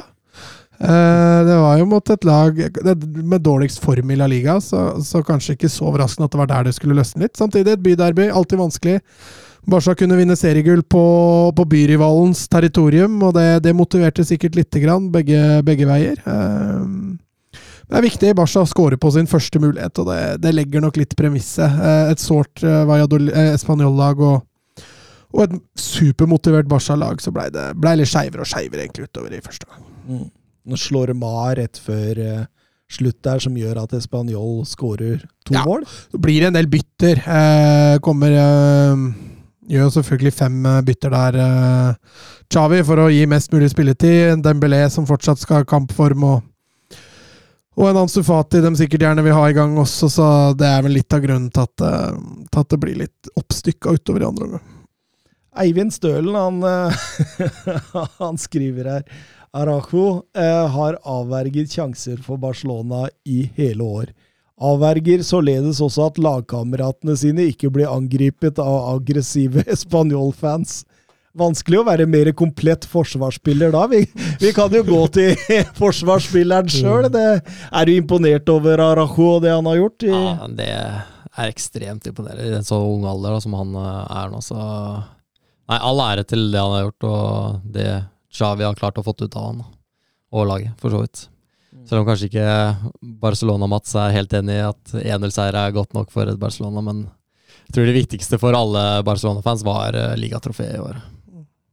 Ja, ja, det var det jo ingen tvil om. Eh, altså, Rojo, vi har snakka om det før, kanskje verdens beste stopper. Eh, Tatt over for ja, van Dijk, var ikke det vi var inne på? Altså, fysikken, uh, råskapen Når det er sagt, hvis du ser hele den episoden på slutten der, når banen begynner å stormes Den som løper først, det er Arojo. Han løper først. Og så virker det som han kommer på på vei til garderoben at oi, jeg må kanskje vente på resten. Så han står og venter der til alle har gått inn, så går han sist inn. Så første reaksjonen hans var løp, og reaksjon nummer to var ok, vi må ha med alle. Så jeg er helt enig. Jeg hyller det siste der, selvfølgelig. ja, for en sesong han har hatt. Han har eh, Altså, det, det, det, minner meg litt om, om van Dijk på sitt beste. Eh, så ekstremt fysisk. Du tar den jo verken på tempo eller på styrke. Nei. Og bra med ball i beina. Jeg husker han kom opp omtrent samtidig med Oscar Minguesa. Så, så husker jeg vi sa eh, Mingueza han kommer ikke til å bli noe særlig, men eh, Arojo han kommer til å bli stor. Mm. Det, det, det, sa vi etter to-tre kamper i Barcelona, tror jeg. Mm. Nei, han, men han kom jo seint også til Barcelona. Han kom vel til Barca som 19-åring eller noe sånt, tror jeg. Eh, så han, han, blir vel drøyt å kalle han et La Masia-produkt, men han har tatt steg jevnt og trutt, og, og, har også vært litt skadeplaga, som har holdt den litt tilbake. Eh, så han har en litt skjør, skjør fysikk akkurat når det gjelder skader, men han, de stegene han har tatt nå, da, uh, både med ball, uten ball uh, Han har jo ordentlig bolletak på Venitius. Er vel den eneste spilleren, tror jeg, som virkelig har tatt han noen face, Den face to face. Den setter han jo på høyre bekk. Ja.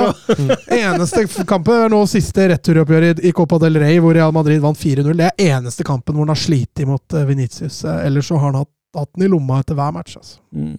For Jeg husker jo det var en sånn periode van Dijk altså det, det, Han ble ikke dribla i løpet av en hel sesong og sånt. Ja, og mye snakk om det. Og... Nå blir han jo dribla hver match. Nå ja, det er noe helt annet å se på han. Uh, måten den, uh, Han virka nesten litt sånn arrogant der han spilte, uh, syns jeg. det gjør han fortsatt. Full kontroll. Ja, ja, det har han fortsatt, men nå sitter det jo ingenting. da. Nei. Så nå går alt forbi han, både av skudd og driblinger og sjohei, så Nei, det kan jo bli en ny van Dijk uh, Arahoya. Det, det tror jeg òg. Jeg tror han kommer til å være sånn. Det er den du ser til som verdens beste mm. stopper nå i mange år framover. Mm.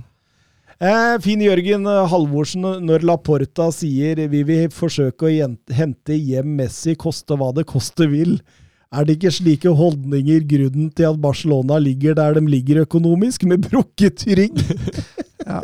Bare glad han ikke sa Bomeyang, jeg. Eh, da, da, hadde det vært, eh, vært litt skandale. Eh, men altså, Messi det vil jo selge drakter og sånn, så akkurat den Men altså, grunnen til at Messi er vanskelig å få til, er jo av disse FFP-reglene og, og at du har et lønnstak i Spania. Og selv om Messi skulle risikere da, å spille for en veldig lav lønn, så vil det heller ikke være tillatt. Sånn som vi snakka om når Messi dro. Sånn at eh, Jeg tror nok Barca inderlig vil ha han, eh, men her må spillere ut for å få han inn. Og da er vi jo igjen tilbake igjen på akkurat det, da. Og nå begynner jeg, jeg begynner å bli litt lei. Disse aldrende pensjonistene skal til for å, å, å pensjonere seg. og det du bygger ikke framtidig Champions League-vinner på denne måten. Du gjør selv ikke Messi, altså. Og det er kanskje ikke lurt heller, når du, du må ha 250 millioner euro inn før neste sesong, og, og drive og hente Messier og Aubameyanger. Det er jo ekstremt romantisk da, hvis det hadde skjedd, men Ja, for all eh, del. Nei, hvis det er det de skal prioritere, da vet jeg ikke hvor langt de har kommet, eh, Barcelona, sånn med tanke på fremtiden. Nei, absolutt ikke. Som jeg sa om Pochettino til eh, Tottenham, noen ganger er det greit å se tilbake på det som har vært, med et smil, og la fremtiden være fremtid. Det, er litt sånn noen ganger, altså. Han blir faktisk 36 i juni. Han gjør det. Det er kun romantisk. Det er liksom Pirlo til Juventus som trener. Det, Det, det er noe av det mest romantiske du har vært ja, borti. det, og, ja, Lampard til Chelsea òg. Liksom sånn, og Xavi til Barca. Det men det er, det er liksom Alt funker jo ikke. Uh, Ryan Mason i Tottenham. Nei. Nei, vi er ikke, vi er ikke, vi er ikke der. Det er, jeg skjønner det er romantisk for deg, det skjønner jeg, men sånn utenifra så er ikke det så veldig romantisk. Han var liksom en spiller som aldri slo til helt på laget. Ble sendt i høll og, og fikk vondt i hodet, holdt jeg på å si. Det er sånn John Bostock til Tottenham, liksom. Vi er, vi er der. Eh, Steffen Hansen, hva tenker Mats om å få Deko inn eh, i teamet på Spotify-kamp nå? Eh, nei, altså, han, er jo en, han har jo fortsatt en veldig høy standing i Barcelona. Eh, han lever vel i dag som agent, eh, så han, han bør jo ha litt connections, men eh, han har jo ikke noe særlig erfaring som sportssjef, og det er vel det som taler litt imot. Og, og den sportssjefen som kommer inn i Barcelona, har en enorm jobb. For han må hente spillere på free transfer, så det må være, må være gode spillere til en veldig lav pris. Og, og sånn rent fotballteknisk fotballforståelse, så, så er jeg, syns, syns jeg Deko virker veldig spennende. Sånn rent teknisk i forhold til det administrative, så er jeg veldig, veldig usikker. Men vi får eh, være så store at vi gratulerer Barcelona med seriegull. Absolutt, absolutt. Det er vel fortjent. Ja, i år har det vært veldig fortjent. Eh, Real Madrid har jo bare surra rundt, og Barca vinner jo 1-0, så det synger etter. Absolutt. eh, Real Madrid slo Getafe 1-0. eh, Ja, igjen ikke altfor betydningsfull kamp for Real Madrid. De hadde det var åpenbart at det er en kamp de ser fram til som er litt eh, større enn som så, Markus. Ja, jeg tror de hadde hodet, eller i hvert fall trenerne hadde hodet helt andre steder enn i Hetafe hjemme, så Nei, de stilte det de måtte og tok eh, lang en grei seier, men det tror jeg ingen bryr seg om. Det viktigste er nå Ja. midtuka. Ja da, det er det Real Madrid bryr seg om også, men, men det er klart det er viktig for fansen å havne foran Atletico Madrid på tabellen, så helt ubetydelig var jo ikke denne, denne matchen. Men det er klart, når du setter inn Eden Hazard, da, som du har gitt opp for tre år siden, så da betyr ikke all verden heller, det gjør ikke det. Flere timer på Burger King enn man har på styrkerommet det siste åra. Det er helt riktig. Ehm, ja, og, og, og forbi Atletico Madrid, det kom de jo, for Atletico Madrid de gikk på en skikkelig smell. Åssen går det an, egentlig? Ja, nei, her vil jeg anta at det litt, eh, var litt undervurdering. eh, fordi den formen Atletico har hatt nå, den har vært bunnsolid. At de skulle gå på en smell borte mot Elche, det var veldig overraskende. Og det er ikke akkurat sånn at eh, Atletico sparte så fryktelig med spillere heller, så Nei, jo, det eh, kunne vært 2-0 og 3-0 òg der. Med Ja. Peremilla der og, og, og Lucas Boy. Det var jo egentlig bare Jan Oblak som, som mangla litt i det maskineriet her. Ellers så stiller de jo så godt de kan. Og det, det var en, et voldsomt steg tilbake, både offensivt og for så vidt defensivt, som du er inne på. Mm. Og da, Da rusler Real Madrid likevel forbi Atletico Madrid, da, som ble en bonus eh, på, på dagen til Real Madrid. Og, og, og Peter Losvik spør men, men lukter ikke litt eh, real masterclass i Champions League nå? Nå var de veldig solide i første kamp mot City. Og er det én ting de kan, så er det jo å avansere når det gjelder som mest. Eh, hvilte også i større grad enn Manchester City. Hva tenker du, eh, Markus? Ja, det Real har gjort i Champions League de siste åra, det er jo skummelt, egentlig, uansett uh, hvor gode man er som Manchester City er til tider. Altså, hvordan de klarer å hva skal si, få én kamp til sin favør og vinne, det Nei, det er helt vanvittig nivå på det, akkurat det der, da. Så, men City er et, vil jeg si, et bedre fotballag uh, for tiden, så jeg tror City går videre, men uh, man skal aldri undervurdere Real Madrid i Champions League. Ja, Så kommer Guardiola, da skal han eksperimentere litt. Jeg tror han gjør det nå! Haaland ned i sekser- ned i sekseren der og Haaland med hybrid av spiss og defensiv midtbane. Kanskje på huet foran måla. Ja, vi prøver han i nieren. Ja, er fint. Ederson som keeper og høyreback. Ja, ja. Nei, nå skal han finne opp kruttet på nytt igjen, eh, og da er eh, Real Madrid videre igjen. Nei, jeg er enig med Markus. Jeg tror altså, jeg, jeg tror denne utgaven av Manchester City og sånn de er nå, er såpass mye bedre. Altså, Real Madrid de er fullstendig avhengige av noen få punkter. Og det er Venicius Junior, og det er Karim Benzema, og det er Courtois. Ja, Det er de, de tre. får de vel tilbake Militao, da, eh, som de ikke hadde i Ja, men det er det, det samme om du spiller Militao eller om du spiller Rudiger og Alabas. Det er akkurat det samme. Spiller ingen rolle. Nei, Militao syns jeg er en klasse, i hvert fall foran Rüdiger. Ja, ja. Nei. Ja. Ja. Han har jo feil i seg, Militao. Ja ja, for all del, men han er langt mer komplett enn Husker Rudiger. du siste sesongen til Rudiger i Chelsea? Ja, da da, var han Premier Leagues beste da spilte han i en treer, vet du. Ja, det Så han. måten Rudiger behandla Jo, Haaland på men- første kampen. Altså, han er en fin spiller å ha i de kampene der for å få ut en spiss. Jo jo, men å si til Rudiger 'nå skal du ut og være rasshøl', Ja. så passer jo det han som Det passer han jo som fot i hanske. Er ikke det de trenger mot uh, Haaland og City? Ja? Jo, men på lite så, så mener jeg at du trenger noe mer, da. Fordi de kommer til å angripe flere rom nå, City. De kommer ikke til å bare kjøre den Vi snakka om at de var veldig trygge når de angrep City. Jeg tror de kommer til å ta litt mer risiko. Så får vi se, da. Kyle Walker kommer nok til å være dedikert Venitius, det tror jeg nok. Eh, Men ja, du må demme opp Benzema da. Og Rodrigo, det han driver med for tida òg. Eh, jo Ja, ja, ja. jeg, jeg er enig med dere. Jeg holder City som favoritt, men jeg hadde ikke satsa mye på at City går videre. Nei da, nei, nei, jeg, jeg satser i bøtter og spann. 80-20! 80-20! um, Real Sociedad de ligger jo an til å ta den siste, fjerde hellige plassen, men men klarte å surre til mot Girona i helga, sånn at eh, Villarreal kom eh, to poeng nærmere. Det, kan det bli Kan det bli kamp om den siste plassen, Mats?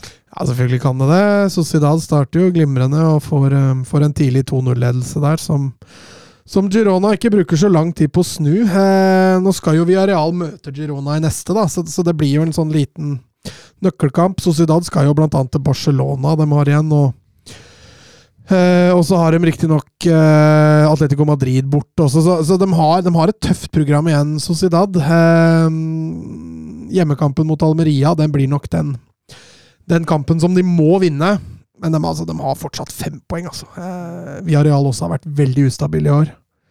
Eh, Ja, det, var, det var ikke noe 5-1-kamp vi så mot Atletic Nei, Club. det var ikke det. Eh, de, de får godt betalt her også, via Real. Eh, Men det her også er litt sånn som med City der. Jeg hadde ikke satt mye penger på at Sociedad skulle ta det der, altså, for det kan, det kan rakne. Det ligger nok i bak- bakhodet deres, som de har gjort de siste to åra.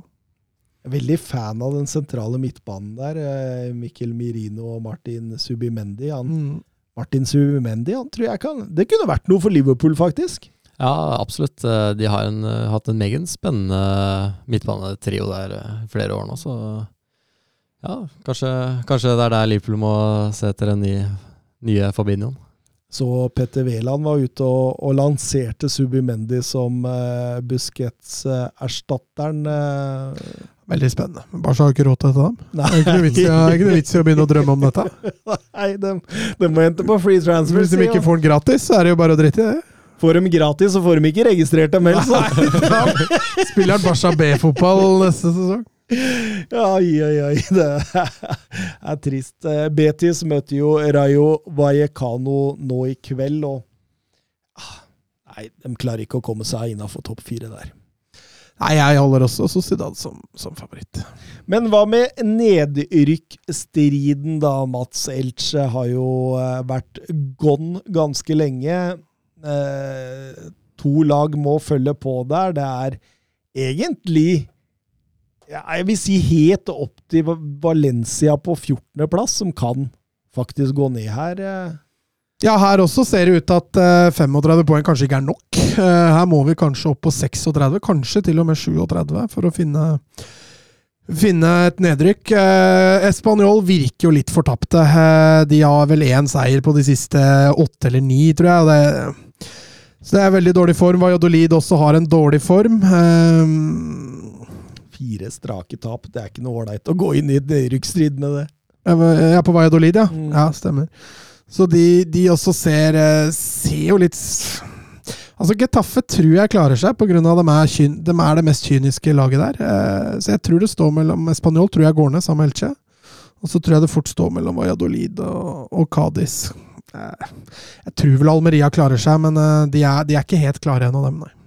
Så Bordalas-fotballen, den redder Getafe igjen, altså.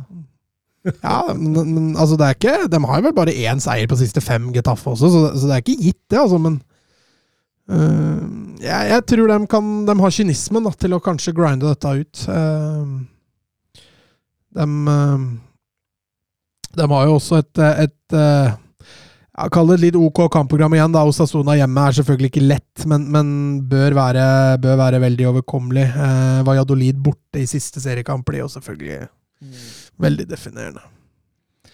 Og så har vi dette Valencia, da, som tok en særdeles viktig seier borte mot Celta Vigo i eh, helga. Eh, avgjør helt mot slutten. Pablo Mari der som eh, flott heading, og, og de får et lite pusterom ned. harde igjen en ganske ja, litt sånn vanskelig, litt tricky kamper igjen, blant annet Real Madrid og Betis. og og Vebjørn Fredheim han spør om Valencia redda plassen, plassen nå i helgen, og kan legenden Baraka redde klubben i sitt hjerte fra et evig liv i helvete?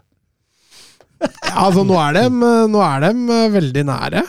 Hvorfor ler du så hardt? Nei, jeg bare, han, han, Legenden med store bokstaver, det, det, det er vel eh, et lite spark til oss som sa at nå nå ja. går de rett ned Ok, med, med Ruben. Ja, vi var negative når de ansatte han, det, det er helt riktig. Eh, altså, det var jo Mallorca Mallorca borte, var det det de hadde? Eh, Betis borte, det sa du vel kanskje?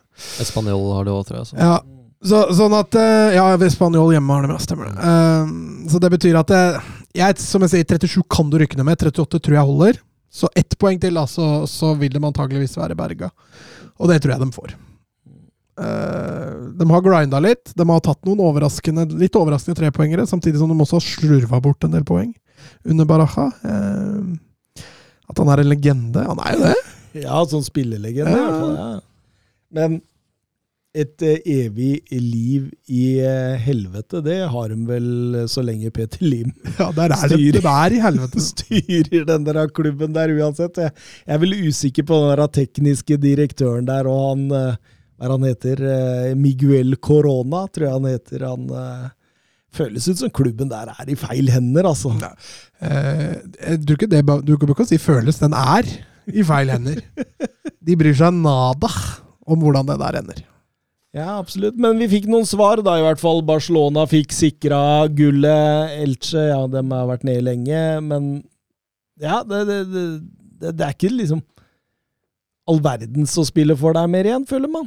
Nei, det er den siste Champions League-plassen, og så er det de to nedrykksplassene, og så er det selvfølgelig litt kamp om om den siste eh, europaplassen. Nå vant jo Real Madrid Copa del Rey, så det vil si at sjuendeplassen går jo da til, til serien, og der er det egentlig fem-seks, delvis seks lag altså, som kjemper om den siste plassen, gitt at Betis tar de nødvendige poengene for å sikre sjetteplassen. Og da, da Girona, Bilbao, Sasona, Sevilla og Rayo som egentlig konkurrerer litt om den plassen. Morsomt at Sevilla har gått fra nedrykk til eh, Europa Jo jo, men de Og- slår, slår ut Juventus nå, men også er det Ja. Champions League neste år, dem, så det, ikke, ikke tenk på det.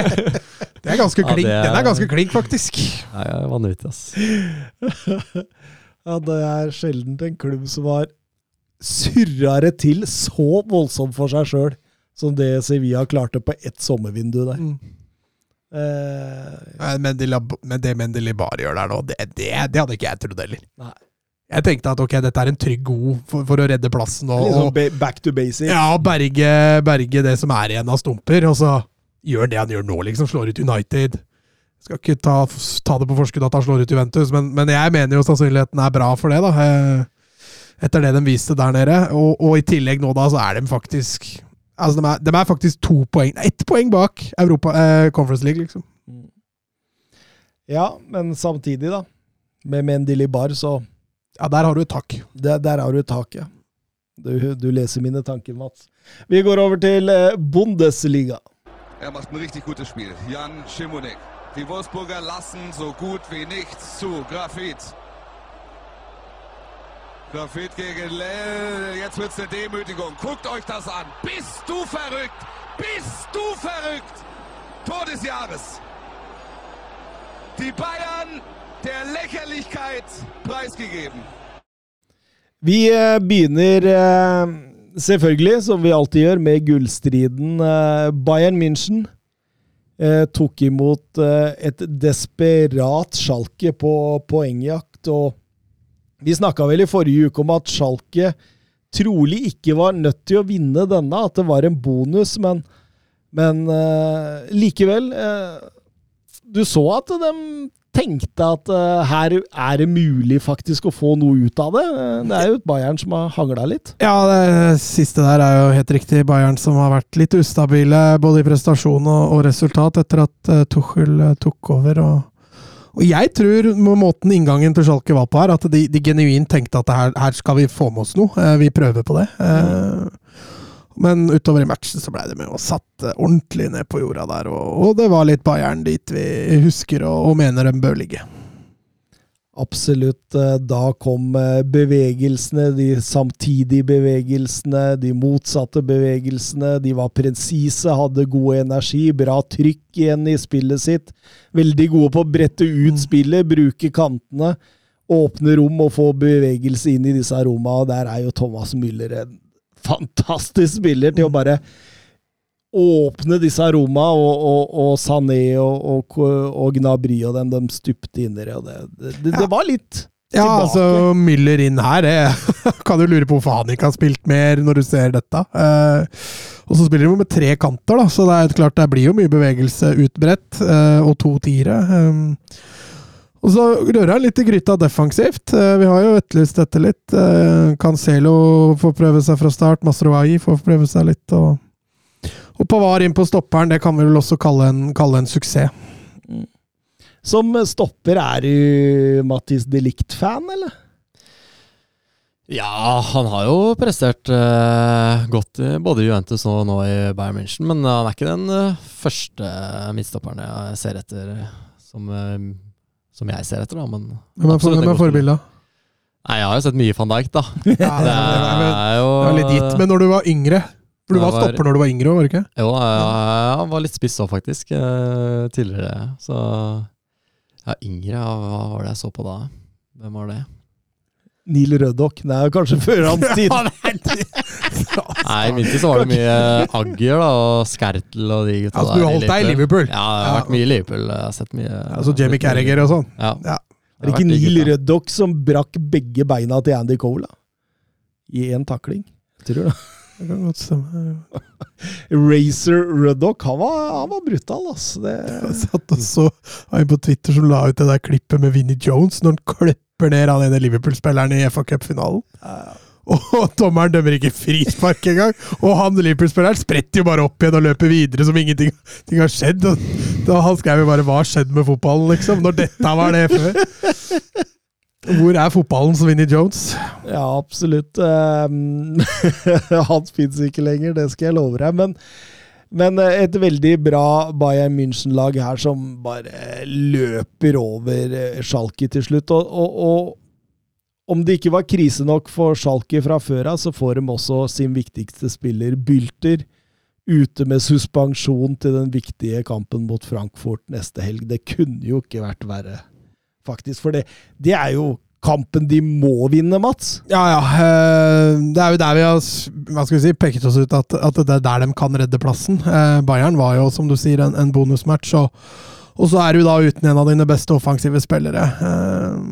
Det er et stort blow, altså. Eh, Og en ja, Jeg skal ikke si at det kanskje kan bikre, men, eh, men dette Det må de løse. Jonathan Hobber spør om Thomas Tuchel har fått kontroll på det igjen, og, og hva må gjøres i sommer. Har han fått kontroll? Er det ikke litt tidlig å si etter en sånn god kamp? Det er veldig tidlig å si, men eh, altså en 6-0-seier mot uh, Schalke, som har levert sakene sine de siste, det gir jo selvfølgelig selvtillit. Og når de får fem forskjellige målskårere og sånn, så Det er litt Bayern, det, da. Å ha mange forskjellige målskårere. Og ja, det var jo noen veldig pene mål òg, da. Med masse fine individuelle prestasjoner der, så. Ja, det var litt sånn Bayern tilbake. De spiller seg omtrent inn på streken før de avslutter. Altså, du skjønner jo hvorfor Lewandowski hadde 120 mål per sesong, liksom. At det, altså, det var jo bare å stå og dytte dem over, omtrent. Og det, sånn er det jo nå. De spiller seg helt inn, altså. Ja, altså nå har de jo tre seire på rad, da. Eh, er det nok litt tidlig å friskmelde sånn sett. Eh, men, eh, men dette var et steg i riktig retning, selv om de møter et av Bundesligas eh, dårligste lag. Så, så er det noen bekreftelser de får her, og hva de trenger til neste år. Det er jo denne nieren, da. Som alle andre. ja, det Som alle andre, ja. Ingen tvil om det. Eh, Ole Haaland, tror dere Gravenberg blir den spilleren alle snakka om, eller er det et, et tilfelle av evig talent som ikke klarte å ta det siste steget? Nei, altså dette mener jeg er et han, han kan fortsatt bli veldig, veldig god. Han har gått i denne storklubbfella, hvor du da havner bak Goretzka og Kimmich, og veien inn er lang. Uh, Vi sa vel det, at det var det dummeste han kunne gjøre. Ja, eh, og så bli henta inn som ung da, for å være en, være en backup for to så etablerte spillere som fortsatt har en del år igjen. Da. Eh, Han har lidd litt under det, og, og jeg tror nok at hvis han skal ta neste steg, da, så, så må han få spilletid. Og jeg tror det blir veldig begrensa, det i Bayern. Men det kan bli veldig mye i Liverpool. Ja, jeg tar den gjerne til Liverpool, selv om jeg helst, helst skulle hatt eh, Bellingham. Men uh, en Gravenberg der, det sier ikke nei takk til det. Men jeg er enig med Mats at han, han må nok bort og få spilletid. Det er viktig for så unge spillere. Han er fortsatt bare 20 år, så. Absolutt. Altså, han har noen attributter som er spennende. Altså, han har fysisk eh, gode basisferdigheter. Han er 1,90 høy, vet du. Ja, ja. Eh, ligger litt i når jeg sier fysisk, da, at han, han er litt robust. Uh, altså det, er, det er en sånn sentral midtbanespiller det ikke finnes så mange av. Uh, så jeg tror det at den, det laget som får han, kan få et scoop, da, hvis de tør å satse på han mm. og bruke han. Men ender han opp med å gå til en klubb hvor han igjen må slite mye benk, da, så, så vil jo utviklinga stoppe. og det, det er litt det han lider under nå under, i Bayern. Eh, Dortmund på sin side de eh, svarte noen timer seinere med hurrafotball og feide eh, Borussia München-Gladbach av banen. Det var vel 4-0 etter en drøy halvtime der. og og jeg kan vel si det nå som Søren ikke er her, egentlig, at jeg er ganske imponert over The Snowboardman Edin Terzic i måten han har liksom på en måte satt et angrepsspill i Dortmund, altså. Ja, de siste kampene nå har vist seg at eh, de kan spille angrepsfotball. Og avgjør kampen veldig tidlig òg, så det blir jo egentlig veldig deilig for Dortmund. da, det siste. De gjorde jo litt det mot eh, Wolfsburg i forrige match også. Ja, det er litt gamle Dortmund over det. Avgjøre matchene tidlig. Eh, så er det litt sånn som gamle syndere igjen når de, når de slipper dem nesten inn igjen i matchen utover i andre omgang. der, Men eh, en veldig godt gjennomført match igjen av Dortmund. Og spørs om ikke denne famøse kampen mot eh, Bochum blir, eh, blir avslø avslørende til slutt her. altså. Ja, fordi Vi snakka jo om det i forrige episode, at, at det, det risikerer jo at begge disse lagene tar ni poeng på de siste tre. Nå er det bare seks poeng igjen, og Ja, det blir jo Bayern nå. Er det borte mot Bremen de har nå neste? Nei, Bayern er hjemme mot Leipzig. Hjemme, og så er det borte mot Bremen. Borte mot Köln. Köln. Ja, de har møtt Bremen, ja. Stemmer. Det var forrige runde. Og så har Dortmund Leipzig er ikke lett, da. Det er aldri lett. Nei, men det er jo der det, det, Jeg tenker som Dortmund-fan, da, så er det jo der du ser til. Absolutt. Men de har en på hjemmebane, da. Det er jo en Ja, ja, men samtidig, det er et RB Leipzig som fortsatt kjemper om denne Champions League-plassen. Som fortsatt, det, det er ikke klart. Nei. Så, så, så jeg, jeg tror liksom, i hvert fall hvis jeg hadde vært Dortmund-fan, da, så hadde jeg Altså, det er ikke lett å dra til Köln heller, hvis Köln eh, på en måte fyrer på alle plugger og hjemmesupporterne der som er spik spinna gærne, eh, er med på, på, på showet, så kan jo det også gjøre det vanskelig. Men det er, jo, det, er, det er jo dit du må se. Du må jo se til Leipzig, og at et Leipzig som er på på eh, Champions League-skuddhold og vil virkelig ha denne, denne plassen. Eh, så, La- så, Men Leipzig har fire poeng da, eh, å gå på der. Eh, De kan brenne broa på, på Bayern og så likevel klare seg fint. ja, eh, ja. Jeg tror ikke de ønsker den siste runden med å måtte vinne Nei da, selvfølgelig. Altså, alle tar en seier. der, som kanskje også må vinne siste, så Det hadde vært kamp. ja. Det, Nei, så det, det, det, det, det ligger jo mye fortsatt spenning i Bundesliga. Det er jo, vi snakka om at det var kanskje ikke så mye mer spenning i, i La Liga. I Bundesliga så er det jo Gullkampen er åpen, Champions League-plassen er åpent, og det, det er jo ganske, ganske uvisst ned i bunnen der òg. Ja, der også er det jo pottetett. Det Jeg er vel fortsatt eh, Herta er, eh, eller virker fortapt. Ja, Hertha er don. Jeg tror vi nesten kan sende dem, eh, sende dem ned. Altså, eh, de har teoretisk mulighet til å overleve hvis de vinner de siste, og de tre laga foran eh, taper alle sammen. Eh, Stuttgart, Schalke, Bochum, Hoffenheim og Augsburg. De, de ligger De kjemper alle om å ikke da få den kvaliken eller direkte nedrykk. Det er vel bare fem poeng som skiller fra, fra nedrykk til Augsburg. Så, så det blir tett og jevnt. Og så var det jo også en eh, skikkelig kamp om eh, Champions League-plassene mellom Mm. på en måte de hva kan du si, de to hipsterlaga i Bundesliga, Union Berlin og Freiburg. Og Markus, det Union Berlin har gjort, altså, skjønner man egentlig hvor stort det er? Nei, altså Måten de starta sesongen på spesielt, da, det var jo helt enormt. Og ja, Man blir jo litt glad i det når man ser Torsby i den klubben der, så jeg har jo fulgt med litt, selvfølgelig. Men uh, Ja, men De har vært gode lenge nå. Altså, Ja. De har bygd stein på stein. da. Eh, absolutt. rykker opp fra andre Bundesliga, er vel nå tre, tre sesonger siden. Eh, og, og er nesten rett opp og kjemper om europaplasser med en gang. Og, og har liksom bygd stein på stein. da. Nå er de der oppe og kjemper om Champions League og har fått et kjempeutgangspunkt foran de, foran de to siste kampene, fordi de da nettopp slo, slo Freiburg sist. Har bedre målforskjell. Um, ja, nei, det hadde jo vært, hadde jo vært utrolig gøy om de skulle klare det. Selv om de, de er jo født til å være med i Conference League. Ja, ja, altså, De, de har jo egentlig ikke noe i Champions League å gjøre. Dem. og, Jeg tror til og med spør du supporterne, så vil de være med i Conference League, tror jeg. og i utgangspunktet også, så er det jo Altså Hvis du ser klubbens størrelse, økonomi, alt det der, der så skulle de jo ikke vært i, i Conference League heller. De skulle jo kjempa om nedrykk. Så det er jo Ors Fischer og den jobben han har gjort der, med å liksom sette identiteten i klubben. Altså det, det, er, det er- det er jo knapt nok en klubb i Europa som har en mer klarere identitet. Og så kan man jo si hva man vil om den type fotball, hvor man egentlig ligger tilbake med ti spillere gjennom stort sett hele kampen og, og kun går på kontringer og på, på dødballer. Det er jo litt sånn Stoke uten lange baller.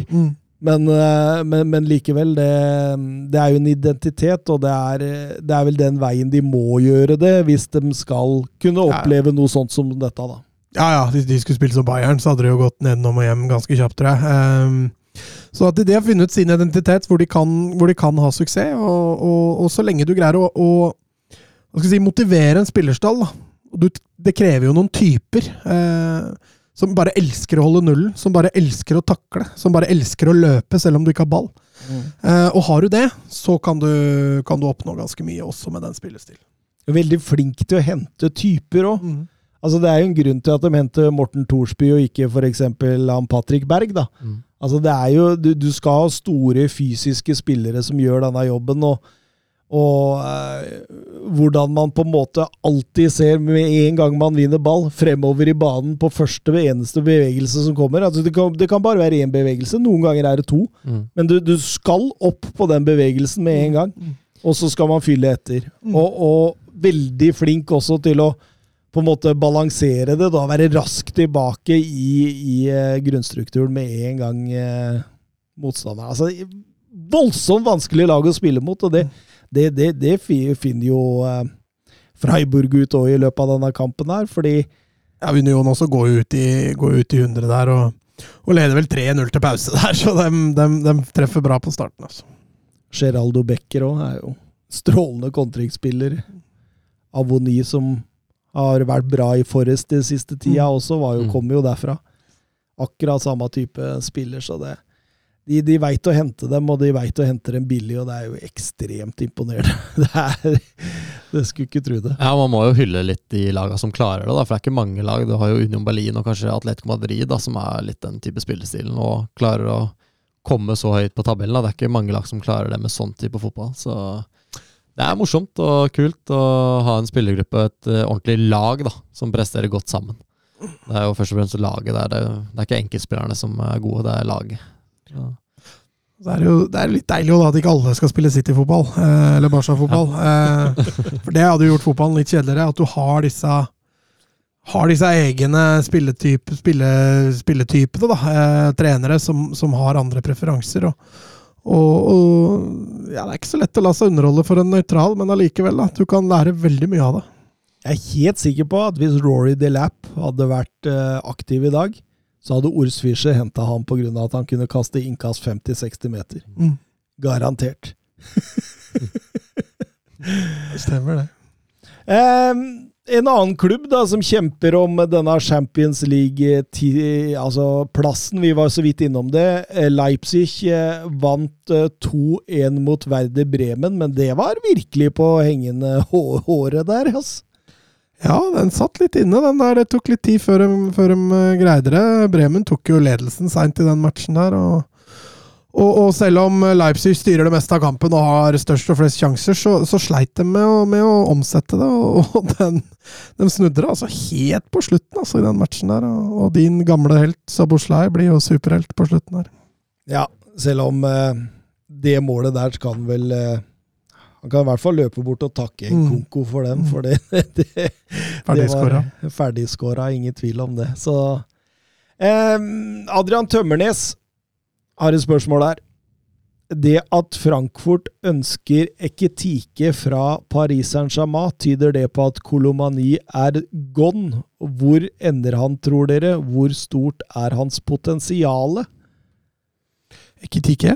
Eh, Eller Kolomani. da, sikkert. Altså, Potensialet der har vi jo sett nå. Det som er da med, med han, er at han har hatt et ordentlig gjennombrudd i år. Eh, vi vi snakka litt om han i fjor, eh, men, men det gjennombruddet han har hatt i år, da eh, Jeg tror han kan nå ganske langt. Eh, det at han har spilt seg inn på det franske landslaget, sier vel egentlig det meste. Eh, ganske, eh, ganske robust, ganske fysisk sterk, ganske komplett fysisk, egentlig. Og så har han tatt steg på det å være en tilrettelegger. Da. Han er ikke lenger nødvendigvis den som må skåre målet, men, men han har leverer en del assist. Og jeg tenker jo det at han kan være fint i, i, en, i en rolle hvor han kan være enslig spiss. Kanskje det er der han er best, men, men han kan også fungere i et tospann. Så han er nok en av de som blir ganske ettertrakta i, i sommervinduet nå, og sannsynlighet for at han går, den tror jeg er ganske stor. I hvert fall sånn etterspørselen etter niere er nå, da. Ja, det, det, det ligger litt i korta det. Jeg husker vi hylla det når de henta han gratis fra Nant. Uh, har jo virkelig ikke gjort, gjort skam på det. Og tror du han hadde passa i Chelsea, eksempel? Ja, jeg vet ikke om Chelsea hadde vært eh, riktig klubb, men eh, jeg tror jeg hadde gått litt mindre klubb i starten. Fått fortsette å bygge den eh, selvtilliten da, og fått eh, de måla i et lag som han kan være stjerna i. da. Så gått til ja, en annen klubb som trenger en Men eh, nå er det jo mange av toppklubbene som trenger en spiss, da, så det er kanskje veien enklere å komme dit uh, med en gang. Mindre klubb er ManU, da, tenker jeg. Ja, noe sånt. Men, men, men, men eh, han har jo et lite poeng der, da, fordi Kolomani Mani kan, kan jo se på rekka med Chelsea-spisser, og så se hvem er det som har lykkes. Mm. Det er Didier Drogba, og så er det ferdig, liksom. Det, er, det, er, det er ikke lett å lykkes som spiss på, på Stamford Bridge, og det, du skal ha baller for å ta den uh, Ta den oppgaven. ja. Ja, han får sikkert ikke grat Han jobber sikkert ikke gratis når du går til Chelsea, så, så litt motivasjon finner han vel, men eh, jeg er enig med deg der at Chelsea kan, kan være et skummelt valg. Altså. Du skal tenke deg om to ganger før du går til Chelsea som spiss, men samtidig, da. Det skal ikke så mye til for at du blir helt heller, tror jeg. Det er ikke sikkert forventningene er så veldig store heller. Ingen tvil om det. Eh, men eh, vi snakka om at eh, Herta kommer til å gå ned. Eh, tror vi Sjalke beholder plassen? Det har vært en sånn evig Mm. diskusjon i denne Ja, podkasten. der er veldig 50-50, altså.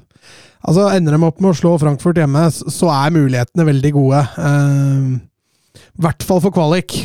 Da, da virker nok kanskje som en kvalik i hvert fall er, er godt innafor rekkevidde. Uh, så det er liksom de rundt, da. altså Hertha Bochum møtes vel nå, nå til helga. Blir jo en skjebnekamp egentlig for begge to. Ryker Hertha der, så er de definitivt ned. Og, og Bochum bør jo egentlig ta, ta poeng der. Uh, ja, nei, det blir, det blir slitsomt. eh, Slitsom sluttspurt der. Eh, Hvem er det de har i siste? Bochum? Jo, de har Leverkosen hjemme. Ja, nei, det er en tøff sluttspurt for Bochum òg. Mm. Så nei, jeg holder en knapp på at uh, På at Bochum ender opp med å gå rett ned. Jeg tror Stuttgart også tar nok, og så blir Schalke på, på kvalik. Siste spørsmål eh, i Bundesliga-bolken før vi går over til Serie A. Det kommer selvfølgelig fra vår eh, kjære faste lytter og Bundesliga-entusiast Jørgen Knutsen. Og eh, siden Dupker ikke var med her, så, så, så, så blei det roligere med spørsmål fra han. Men, eh, men, men, men Jørgen er også så smart at han på en måte dirigerer spørsmålet inn i, i våres rike. Okay, ja, så Så, så vi, vi kan jo ta. Eh, Werder Bremen kan miste både Fullkrug og, og Dusk, eh, og har startet jakten på erstattere. Eh, tyskerne var på Skagerrak Arena og så Aker Adams i oppgjøret mot Odd. Eh, hva tror panelet? Er Adams eh, moden nok for Bundesliga, og er Bremen en rett klubb for nigerianeren?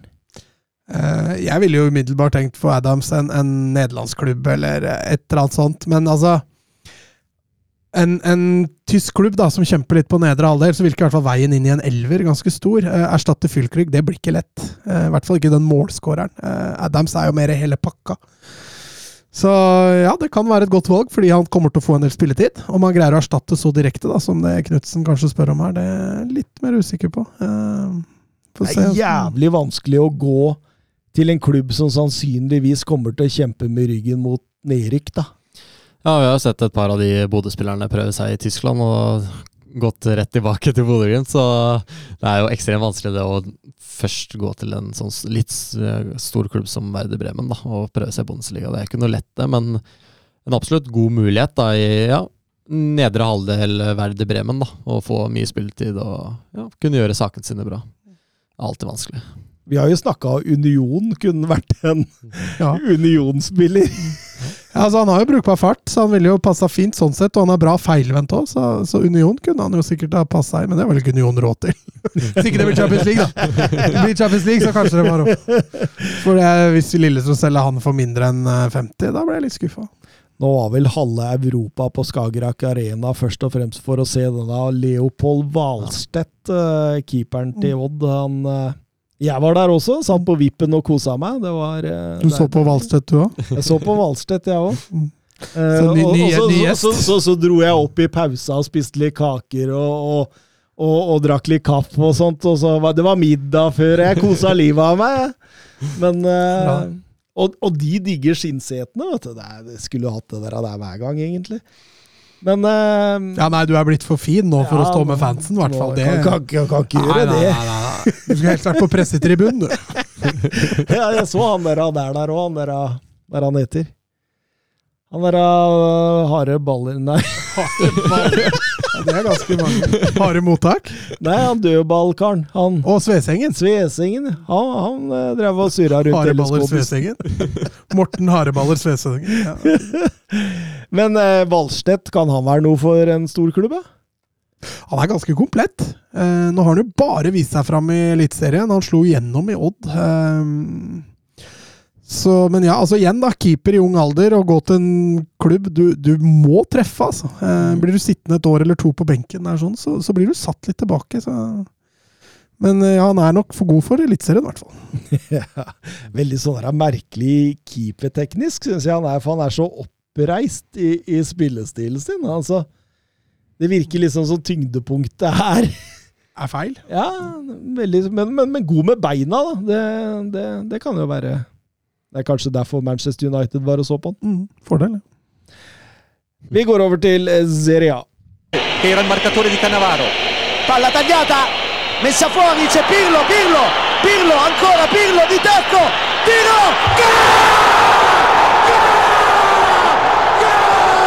Grosso, grosso, gol, gol di Grosso, gol di Grosso. Be begynner eh, Serie A-bolken her med å si 'jeg skal se på Vålerenga'. Han skal stå sammen med HamKam-fansen, så det er greit. ja, det er jo faktisk eh, brukbar. Han er egentlig Ja, Kamma-supporter. det er 16. mai i morgen. Ja, Stemmer det. Dagen før dagen. Eller Sarpsborg på Åråsen. stemmer det? Skal vi dra? Eh, nei. Nei. Jeg har eh, Gjelleråsen 2-kamp. Skal du spille, eller? Nei, det skal jeg ikke. Jeg Er ikke god nok, han. Ja. Åssen divisjon er det? Fjerde. Fjerde. Ja ja. Det er jo Det er jo et nivå, det òg. Eh,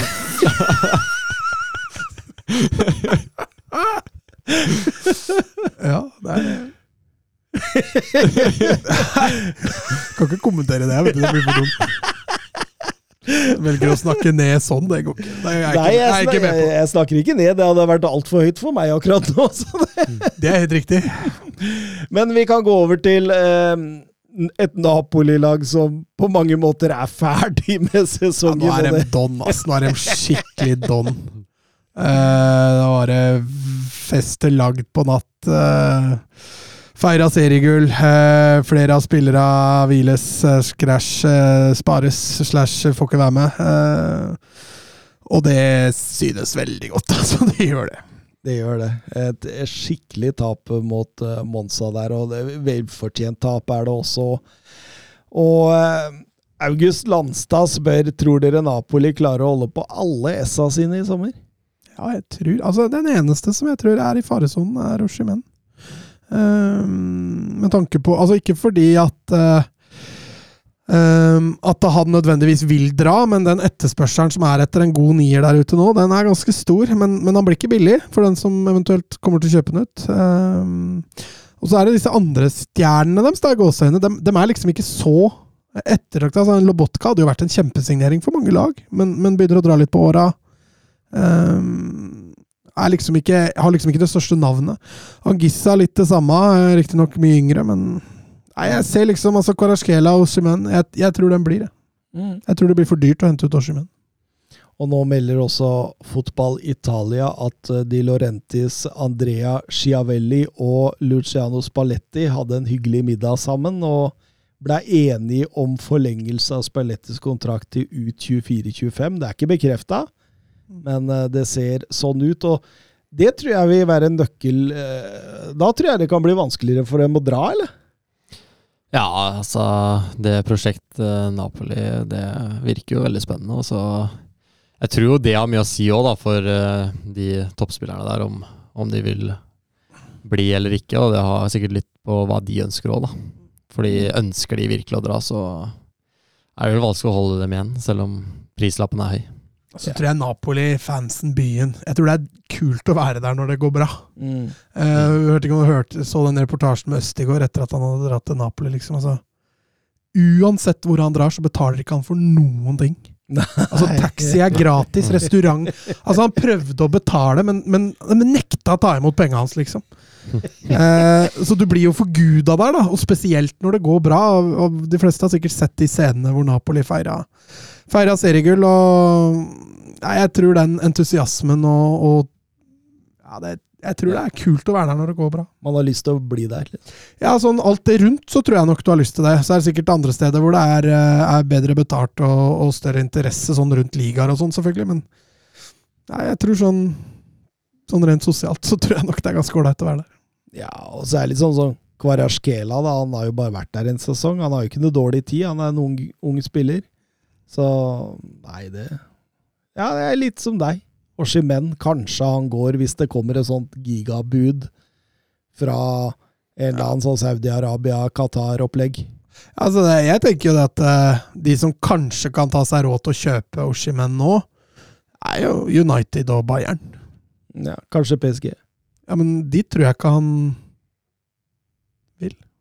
Nei, det kan godt hende han ikke vil dit. Jeg kjenner han ikke, da, så jeg, det var derfor jeg dro litt på den vil. Eh, for det kan jo hende han vil. han blir jo sikkert god og, god og mett i, i PSG, men eh, eh, I hvert fall når, Neymar og Messi antakeligvis er, og nå er på vei ut, da, så Men altså, hva skal PSG med enda en spiss? Armekitik og Mbappe? Ja, Mbappe er ut venstre. Jeg tror de trenger en spiss, faktisk. altså. Jeg tror det, hvis de skal bygge dette videre. Men vi kan vi ta det seinere. Eh, kampen om fjerdeplassen. Lazio snubler på altså, altså, de har hatt så mange matchballer, de nå. Eh, Tapte vi hjemme mot Torino, og så taper de mot Inter, og så blir det vel en hjemmeseier mot Sassuolo. Da tenker du at nå, nå fungerer det greit, nå kommer de til å skli det inn her. Men så blir det tap mot eh, Milan også. Nå da, hjemme mot Lecce, så roter de også bort eh, to Ja. poeng. Nå er det nesten så det ligger litt i kortet at de skal snuble, eh, men nå Milan snubla jo. Eh, Roma snubla jo. Så her-. Ja, så nå er det litt sånn Hvem vil egentlig ha den siste Det er ingen som vil. Akkurat nå virker det litt sånn. Altså Juventus virker klar. Den, den tror jeg ikke det er noe å gjøre noe med. Inter òg er jo i bedre form nå og, og ser bedre ut, så den virker også grei. Og da er det den fjerdeplassen. Altså. Da er det jo Lazio, Milan, Roma. Da. Kanskje Atalanta, men det, jeg tror det er for langt fram. så veit vi jo ikke hva som skjer med Juventus. Altså, nå ryktes det jo at de 15 minuspoenga kan bli minus 9. Eh, og, og da blir plutselig tabellen veldig Altså, da, da, da Ja, da er, jo, da er Milan topp fire, og Juventus er på femte. Uh, Ett poeng bak Milan, så da blir det jo enda jevnere igjen. Ja. Så det er eh, vanskelig å si. Men Roma, da. De dro til Bologna med et reserveprega lag. Eh, åpenbart at Mourinho prioriterer Europa League-semien for alt det er verdt. Ja, det er jo billetten inn i Champions League, eh, eller en mulig billett inn i Champions League for dem, så jeg ser jo den, men samtidig, da. De er jo ikke helt ute av Champions League-kampen i ligaen.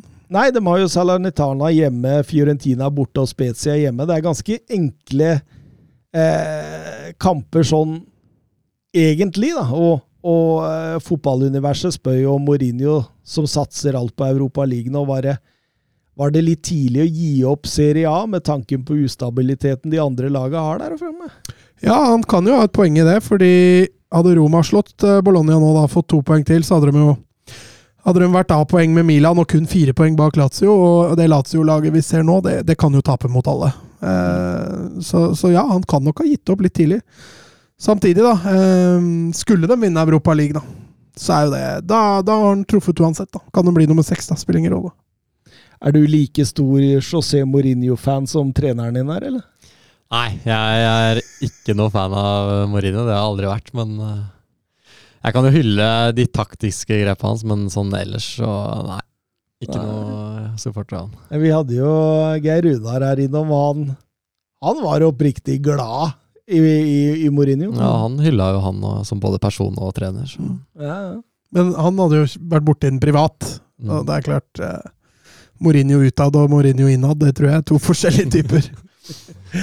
Er det én ting han i hvert fall kan, så er det å skape et eh, oss mot verden-bilde. Mm, ja. så han er veldig flink på å få med seg de han skal ha, men eh, kan også kaste folk under bussen når de ikke gjør jobben. Ja da, det gjør han jo rett som det er også, så. Men eh, sånn det står nå, da eh, Det er som vi sier, altså, det er ingen som ser ut som de vil ha denne plassen i Champions League. Juventus er kanskje det laget som ser mest ut sånn, kanskje også Inter, men Vi snakka om det med Inter. Altså, for en uke det var for Inter, dette her. Altså, vi snakka jo om forrige uke at det, det kunne bli sånn at de ble slått ut av semifinalen utafor topp fire og tap i Copa Italia-finalen. Og da vil det være en fiaskosesong. Men nå ser det ut som de styrer mot Champions League-finale innafor topp fire. Og det kan også bli Copa Italia. Altså da, da er jo det plutselig en dundrende suksess igjen. Og, det, og, og at det en uke på en måte kan definere en sesong på, på den måten, og, og, og, den rare sesongen Inter har hatt, da, med, med, at man liksom på en måte du har, du har aldri tenkt at nå spiller de god fotball. Det har alltid gått litt sånn på halvgir, og så kan man ende opp med en sånn sesong. Ja, det er jo litt interessant å se nå. De siste sju kampene så er de jo seire overalt i ja, alle cuper, da. Så den formen de er i nå, det er bare å bygge videre på. Det kan jo bli skikkelig spennende. Da. De har jo masse viktige kamper framover, så mm. At de får Champions League, det er jeg helt sikker på nå.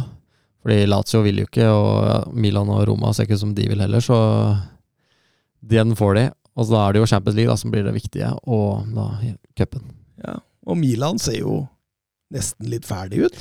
Ja, de hadde jo et langt møte med fansen etter kampen mot Spezia, hvor de fikk så hatten passa. Hvor de avslutta møtet med at de blei egentlig litt hylla. At vi, vi, har ryggen deres hvis dere velger å, å stå opp for dette. Eh, så får vi se åssen effekt det får for Milan. Eh, for nå, nå, er de jo på god vei ut av Champions League. Eh, og, og, hvis de ikke greier å snu det i serien, så, så spørs det om de klarer topp fire der òg. Eh, to seire på de siste fem. det det lukter ikke god form hvis du tar med Champions League. Da, så har de jo også et tap der, pluss plus en uavgjort. Så Nei, formen til Milan den, den, er ikke helt heldig nå, altså.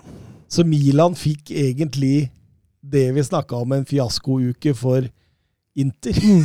det det blei liksom uh, Milan som fikk smake på den. Og det, det, det, begynner å bli en del Pioli out-meninger ute blant fansen. Der ser jeg nå også på Twitter, ser jeg. Og man kan jo forstå det, for Pioli har jo basert mye av spillet sitt denne sesongen på en sånn defensiv type fotball, hvor man lener seg litt på Rafael Leao, at han skal gjøre ting på egen hånd. Og så uten Leao så ser det mye mer tynt ut. Det ser jo nå, nå var han jo ute både mot Specia Spezia i helga og mot Inter, og, og, det blir veldig, veldig nakent. da. De, de sliter ekstremt mot etablert. og og, og, Pioli har fått mye tid mye tid med den spillergruppa nå, og kunne utvikle et spill som var bedre mot etablert enn som så. altså det må de, på en måte. Jeg, jeg skjønner tanken med at uh, man kanskje vil se andre retninger nå, altså. Mm. Ja, og, og, Milan nå, nå, har, nå har de jo bygd opp litt forventninger eh, etter fjorårssesongen og, og, det de har gjort for så vidt i Champions League i år. da. Sånn at eh, han, han, må jo levere både enkeltmatcher og, og trofeer framover. Eller, eller, så kommer jo Milan i den posisjonen de er nå, til å, til å se etter forbedringer, også på trenersida. Mm. Ja, helt klart. Helt klart. Eh, Nedrykksstriden, da. Eh, Sampdoria er nede. Cremoneso er så å si nede. Den siste plassen står mellom Hellas Verona, Lecce og Spezia. Det kan bli kamp helt inn, det der. der. Ja, her vil de jo ikke rykke ned, for nå vinner de jo Nå vinner de jo én etter én. Eh, Spezia med kanskje en litt overraskende seier mot, mot Milan, og Lecce med et veldig overraskende poeng mot, eh, mot Lazio. Eh, og så blir det jo en skjebnekamp nå til helga mellom Lecce og, og Spezia. Da. Så får vi se hvem som tar det lengste strået der. Verona har jo en litt tøff, eh, tøff runde igjen, med Milan borte og Atalanta borte. Så den Empoli-kampen hjemme kommer jo til å bli helt, helt avgjørende. Mm. Mm.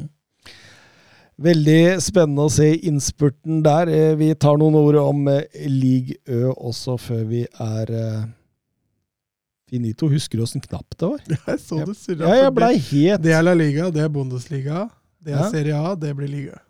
Den, ja. Ja, for det er uh, Tor Håkon. Ja. Og det er Champions League. Sur la frappe de Messi de, Mercado, de Mercado, oui. Mercado et, et, là aussi on a un petit peu de réussite.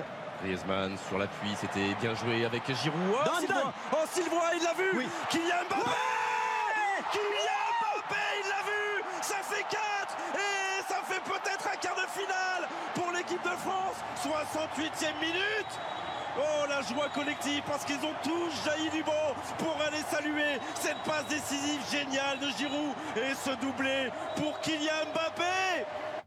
Ja, i Ligue Ø så ser det ut som Paris Saint-Germain har tatt seg kraftig sammen eh, når det begynte å brenne litt på dass. Eh, knuser Ajaxio 5-0 på hjemmebane her, og selv om jeg med Messi tilbake i en tierrolle, Mats eh, det, det, så faktisk ut som det var ganske bra, men så er jeg veldig spent på hvor godt dette Ajaxio-laget er nå.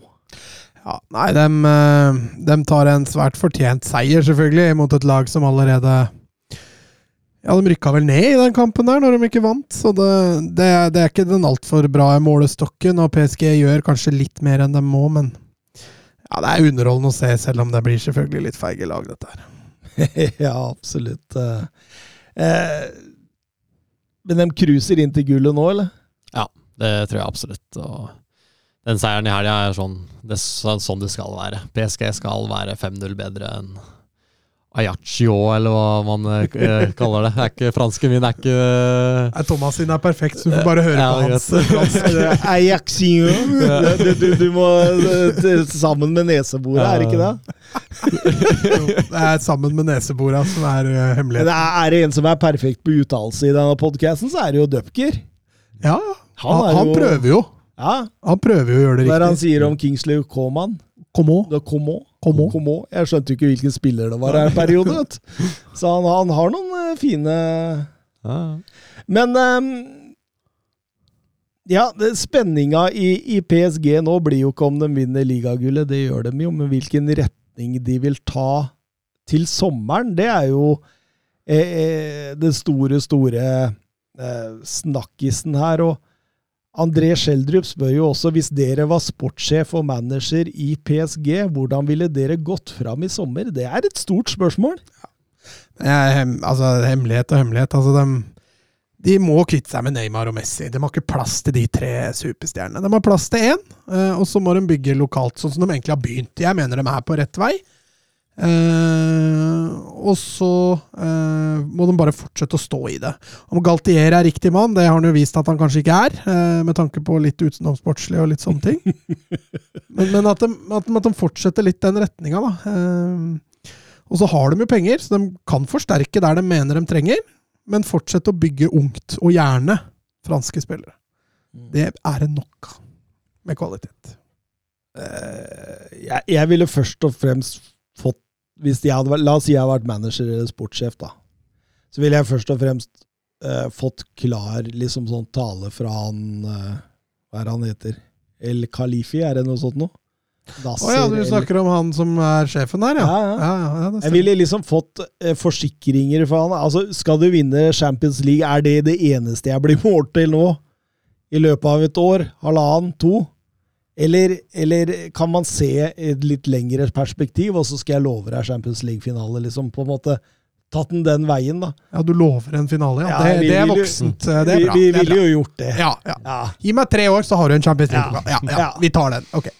Og da ville jeg begynt å rydde i stallen, vekk med alle overbetalte sånne eks-verdensstjerner. Eh, Messi, Neymar, Ramos. Jeg ville holdt med Mbappe, selvfølgelig. Og Markinios.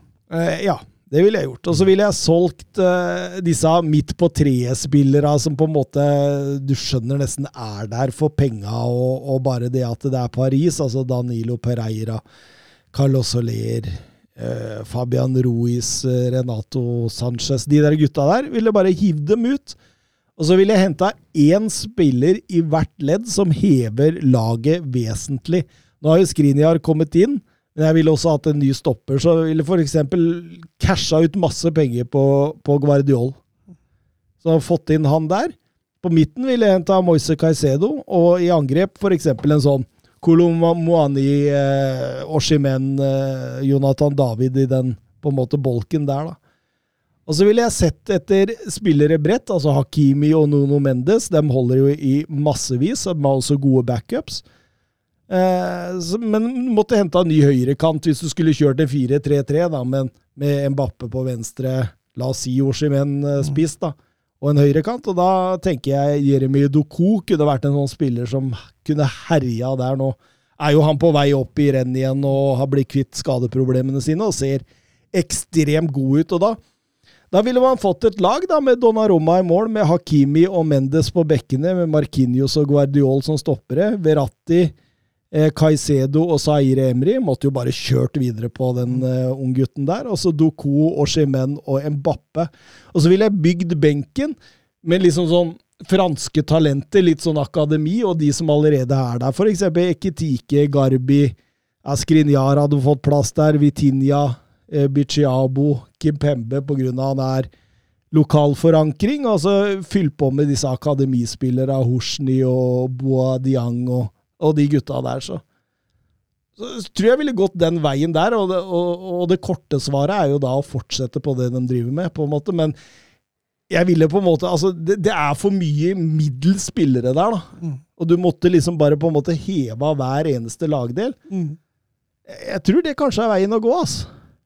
Ja, jeg er enig i det. og Hvis de skal kvitte seg med Neymar og Messi blant annet, altså, kan du jo se til helt nye spillere på både midtbanen og foran der, da, som skal gjøre en helt annen jobb da, enn det Farati og f.eks. Ruiz gjør nå. Da. De må jo tenke veldig mye defensivt, da. Mm. men kan jo finne litt andre type spillere. da. Helt enig. Helt enig. Så eh, Men så, så, så, de er på vei, da. Det er, det er det vi kan konkludere med, men Det er liksom hvem tar over som trener, da? Ja, hvis det ikke Ja, Det er Thomas Edvardsen? Ja, det hadde vært det beste for dem. Ja, for du hadde du, Fransken din er ikke noe stress der. Nei, jeg har tatt det på engelsk. Merde. hver, hver gang en Bappe løper hjemover, så merd. Nei, det ville jeg jo hylla. For det skjer jo ikke alltid. Eh, men kampen om andreplassen, da, den det er det som skiller kvalik til Champions League og direkte inn i Champions League. Eh, vi snakka om det for et par uker siden. Du sa Marseille, jeg sa Lance. Eh, fortsatt litt sånn status quo i forhold til det? Ja, det blei jo to seire på begge to i, i helga som var, og, og sånn sett uforandra. Eneste for Marseille er at de har to kamper min, en kamp mindre å ta dem igjen på. Eh, men eh, fortsatt veldig mulig. Hvis du ser på programmet til disse to også, så ser det ut som det er ni poeng til begge lag, egentlig. Ja, det er vel kun Lill for Marseille som er en tøff bortekamp, men Lance er veldig overkommelig, ja. Så akkurat nå så vil jeg tippe Lance ut ifra de kampene de har igjen. Mm. Og det er litt sånn Sett den formen Seko for faen har kommet i nå mot slutten. Han Han skårer jo hver kamp. Eh, og, og eh, altså fysiske beistet han er. da, altså Han er ikke sånn kjempestor nødvendigvis, men, men er veldig komplett fysisk. da. Mm. Han tåler å stå 90 minutter, og han, han er alltid farlig. da. Veldig fascinerende. Så ja. vanvittig. Altså, det, det, kunne vært faktisk et billig alternativ. Han er 28 år. Det kunne vært et billig alternativ på indreløperen til Liverpool neste år. Mm. Han hadde tatt uh, presset, han. Han hadde Eller Union Berlin. Hadde, dyrt, dyrt, alternativ for Union. ja, det er billig for Liverpool og dyrt for Union, det er helt riktig. Men øh, står du fortsatt på, på Marseille? Nei, I hvert fall ingen grunn til å vingle nå. Nei. Jeg sa det for en uke siden. Ja, men du er jo en vingler, da. Nei, det er jeg ikke. Jeg står fortsatt på Arteta sin side. Jeg har gjort det hele tida. Jeg så jo hvordan det gikk. Det ble ikke noe Det ble ikke noe seriegull der! ja, nei, der bomma jeg grovt. Sånn er det når du lover seriegull på tre år. Nei, det er godt at du ikke kan vingle. Monaco fikk 0-0 hjemme mot Lill i det man på mange måter kan kalle kampen om Europa League. Jakob Hoff spør vil fjerdeplass være godt nok i fyrstedømmet? Nei, altså, jeg tenker jo Monaco er en klubb som skal og bør kjempe topp tre, og sånn sett om Champions League. Uh, om det er godt nok altså Fjerdeplass er jo selvfølgelig ikke, ikke dårlig, når du, når med tanke på at Monaco alltid starter ræva. Altså, de starter jo nesten alltid sesongen med minuspoeng. Uh, men uh, nei, jeg tipper det er akkurat for dårlig. Ja Ja, men altså, PSG kan man jo ikke gjøre noe med. Sånn er det jo. Nei, men her er det jo Labs som har fucka opp. ja, men så skal man jo ligge bak der sammen med Rennes, Marseille, ja, til og med Lyon og Nis, sånn egentlig, hvis man ser opp på økonomi, økonomisk plan på det. En fjerdeplass. Eh, ja, kanskje et hakk lavere enn de ønsker, men likevel realistisk. Eh, man må tenke på at de solgte jo både Badiashil og Shuameni uten å forsterke noe sånn voldsomt Minamino kommer inn fra Liverpool der. Ja, da har de forsterka voldsomt. fiasko. Eh, Embolo har jo vært OK nå. OK, ja, han har jo det, men eh, Kamara har jo ikke klart å fylle eh, Chouamenis sko i det hele tatt. Så. Men jeg håper Philippe Clemet får litt mer tid på seg. Altså, jeg, eh, Han har jo gjort det dissen etter at han kom inn, han da. han har det, og han, har, eh, han er flink på å bygge. Um, I nedrykksstriden der så er jo Anger, Troya og Ajaxio allerede nede.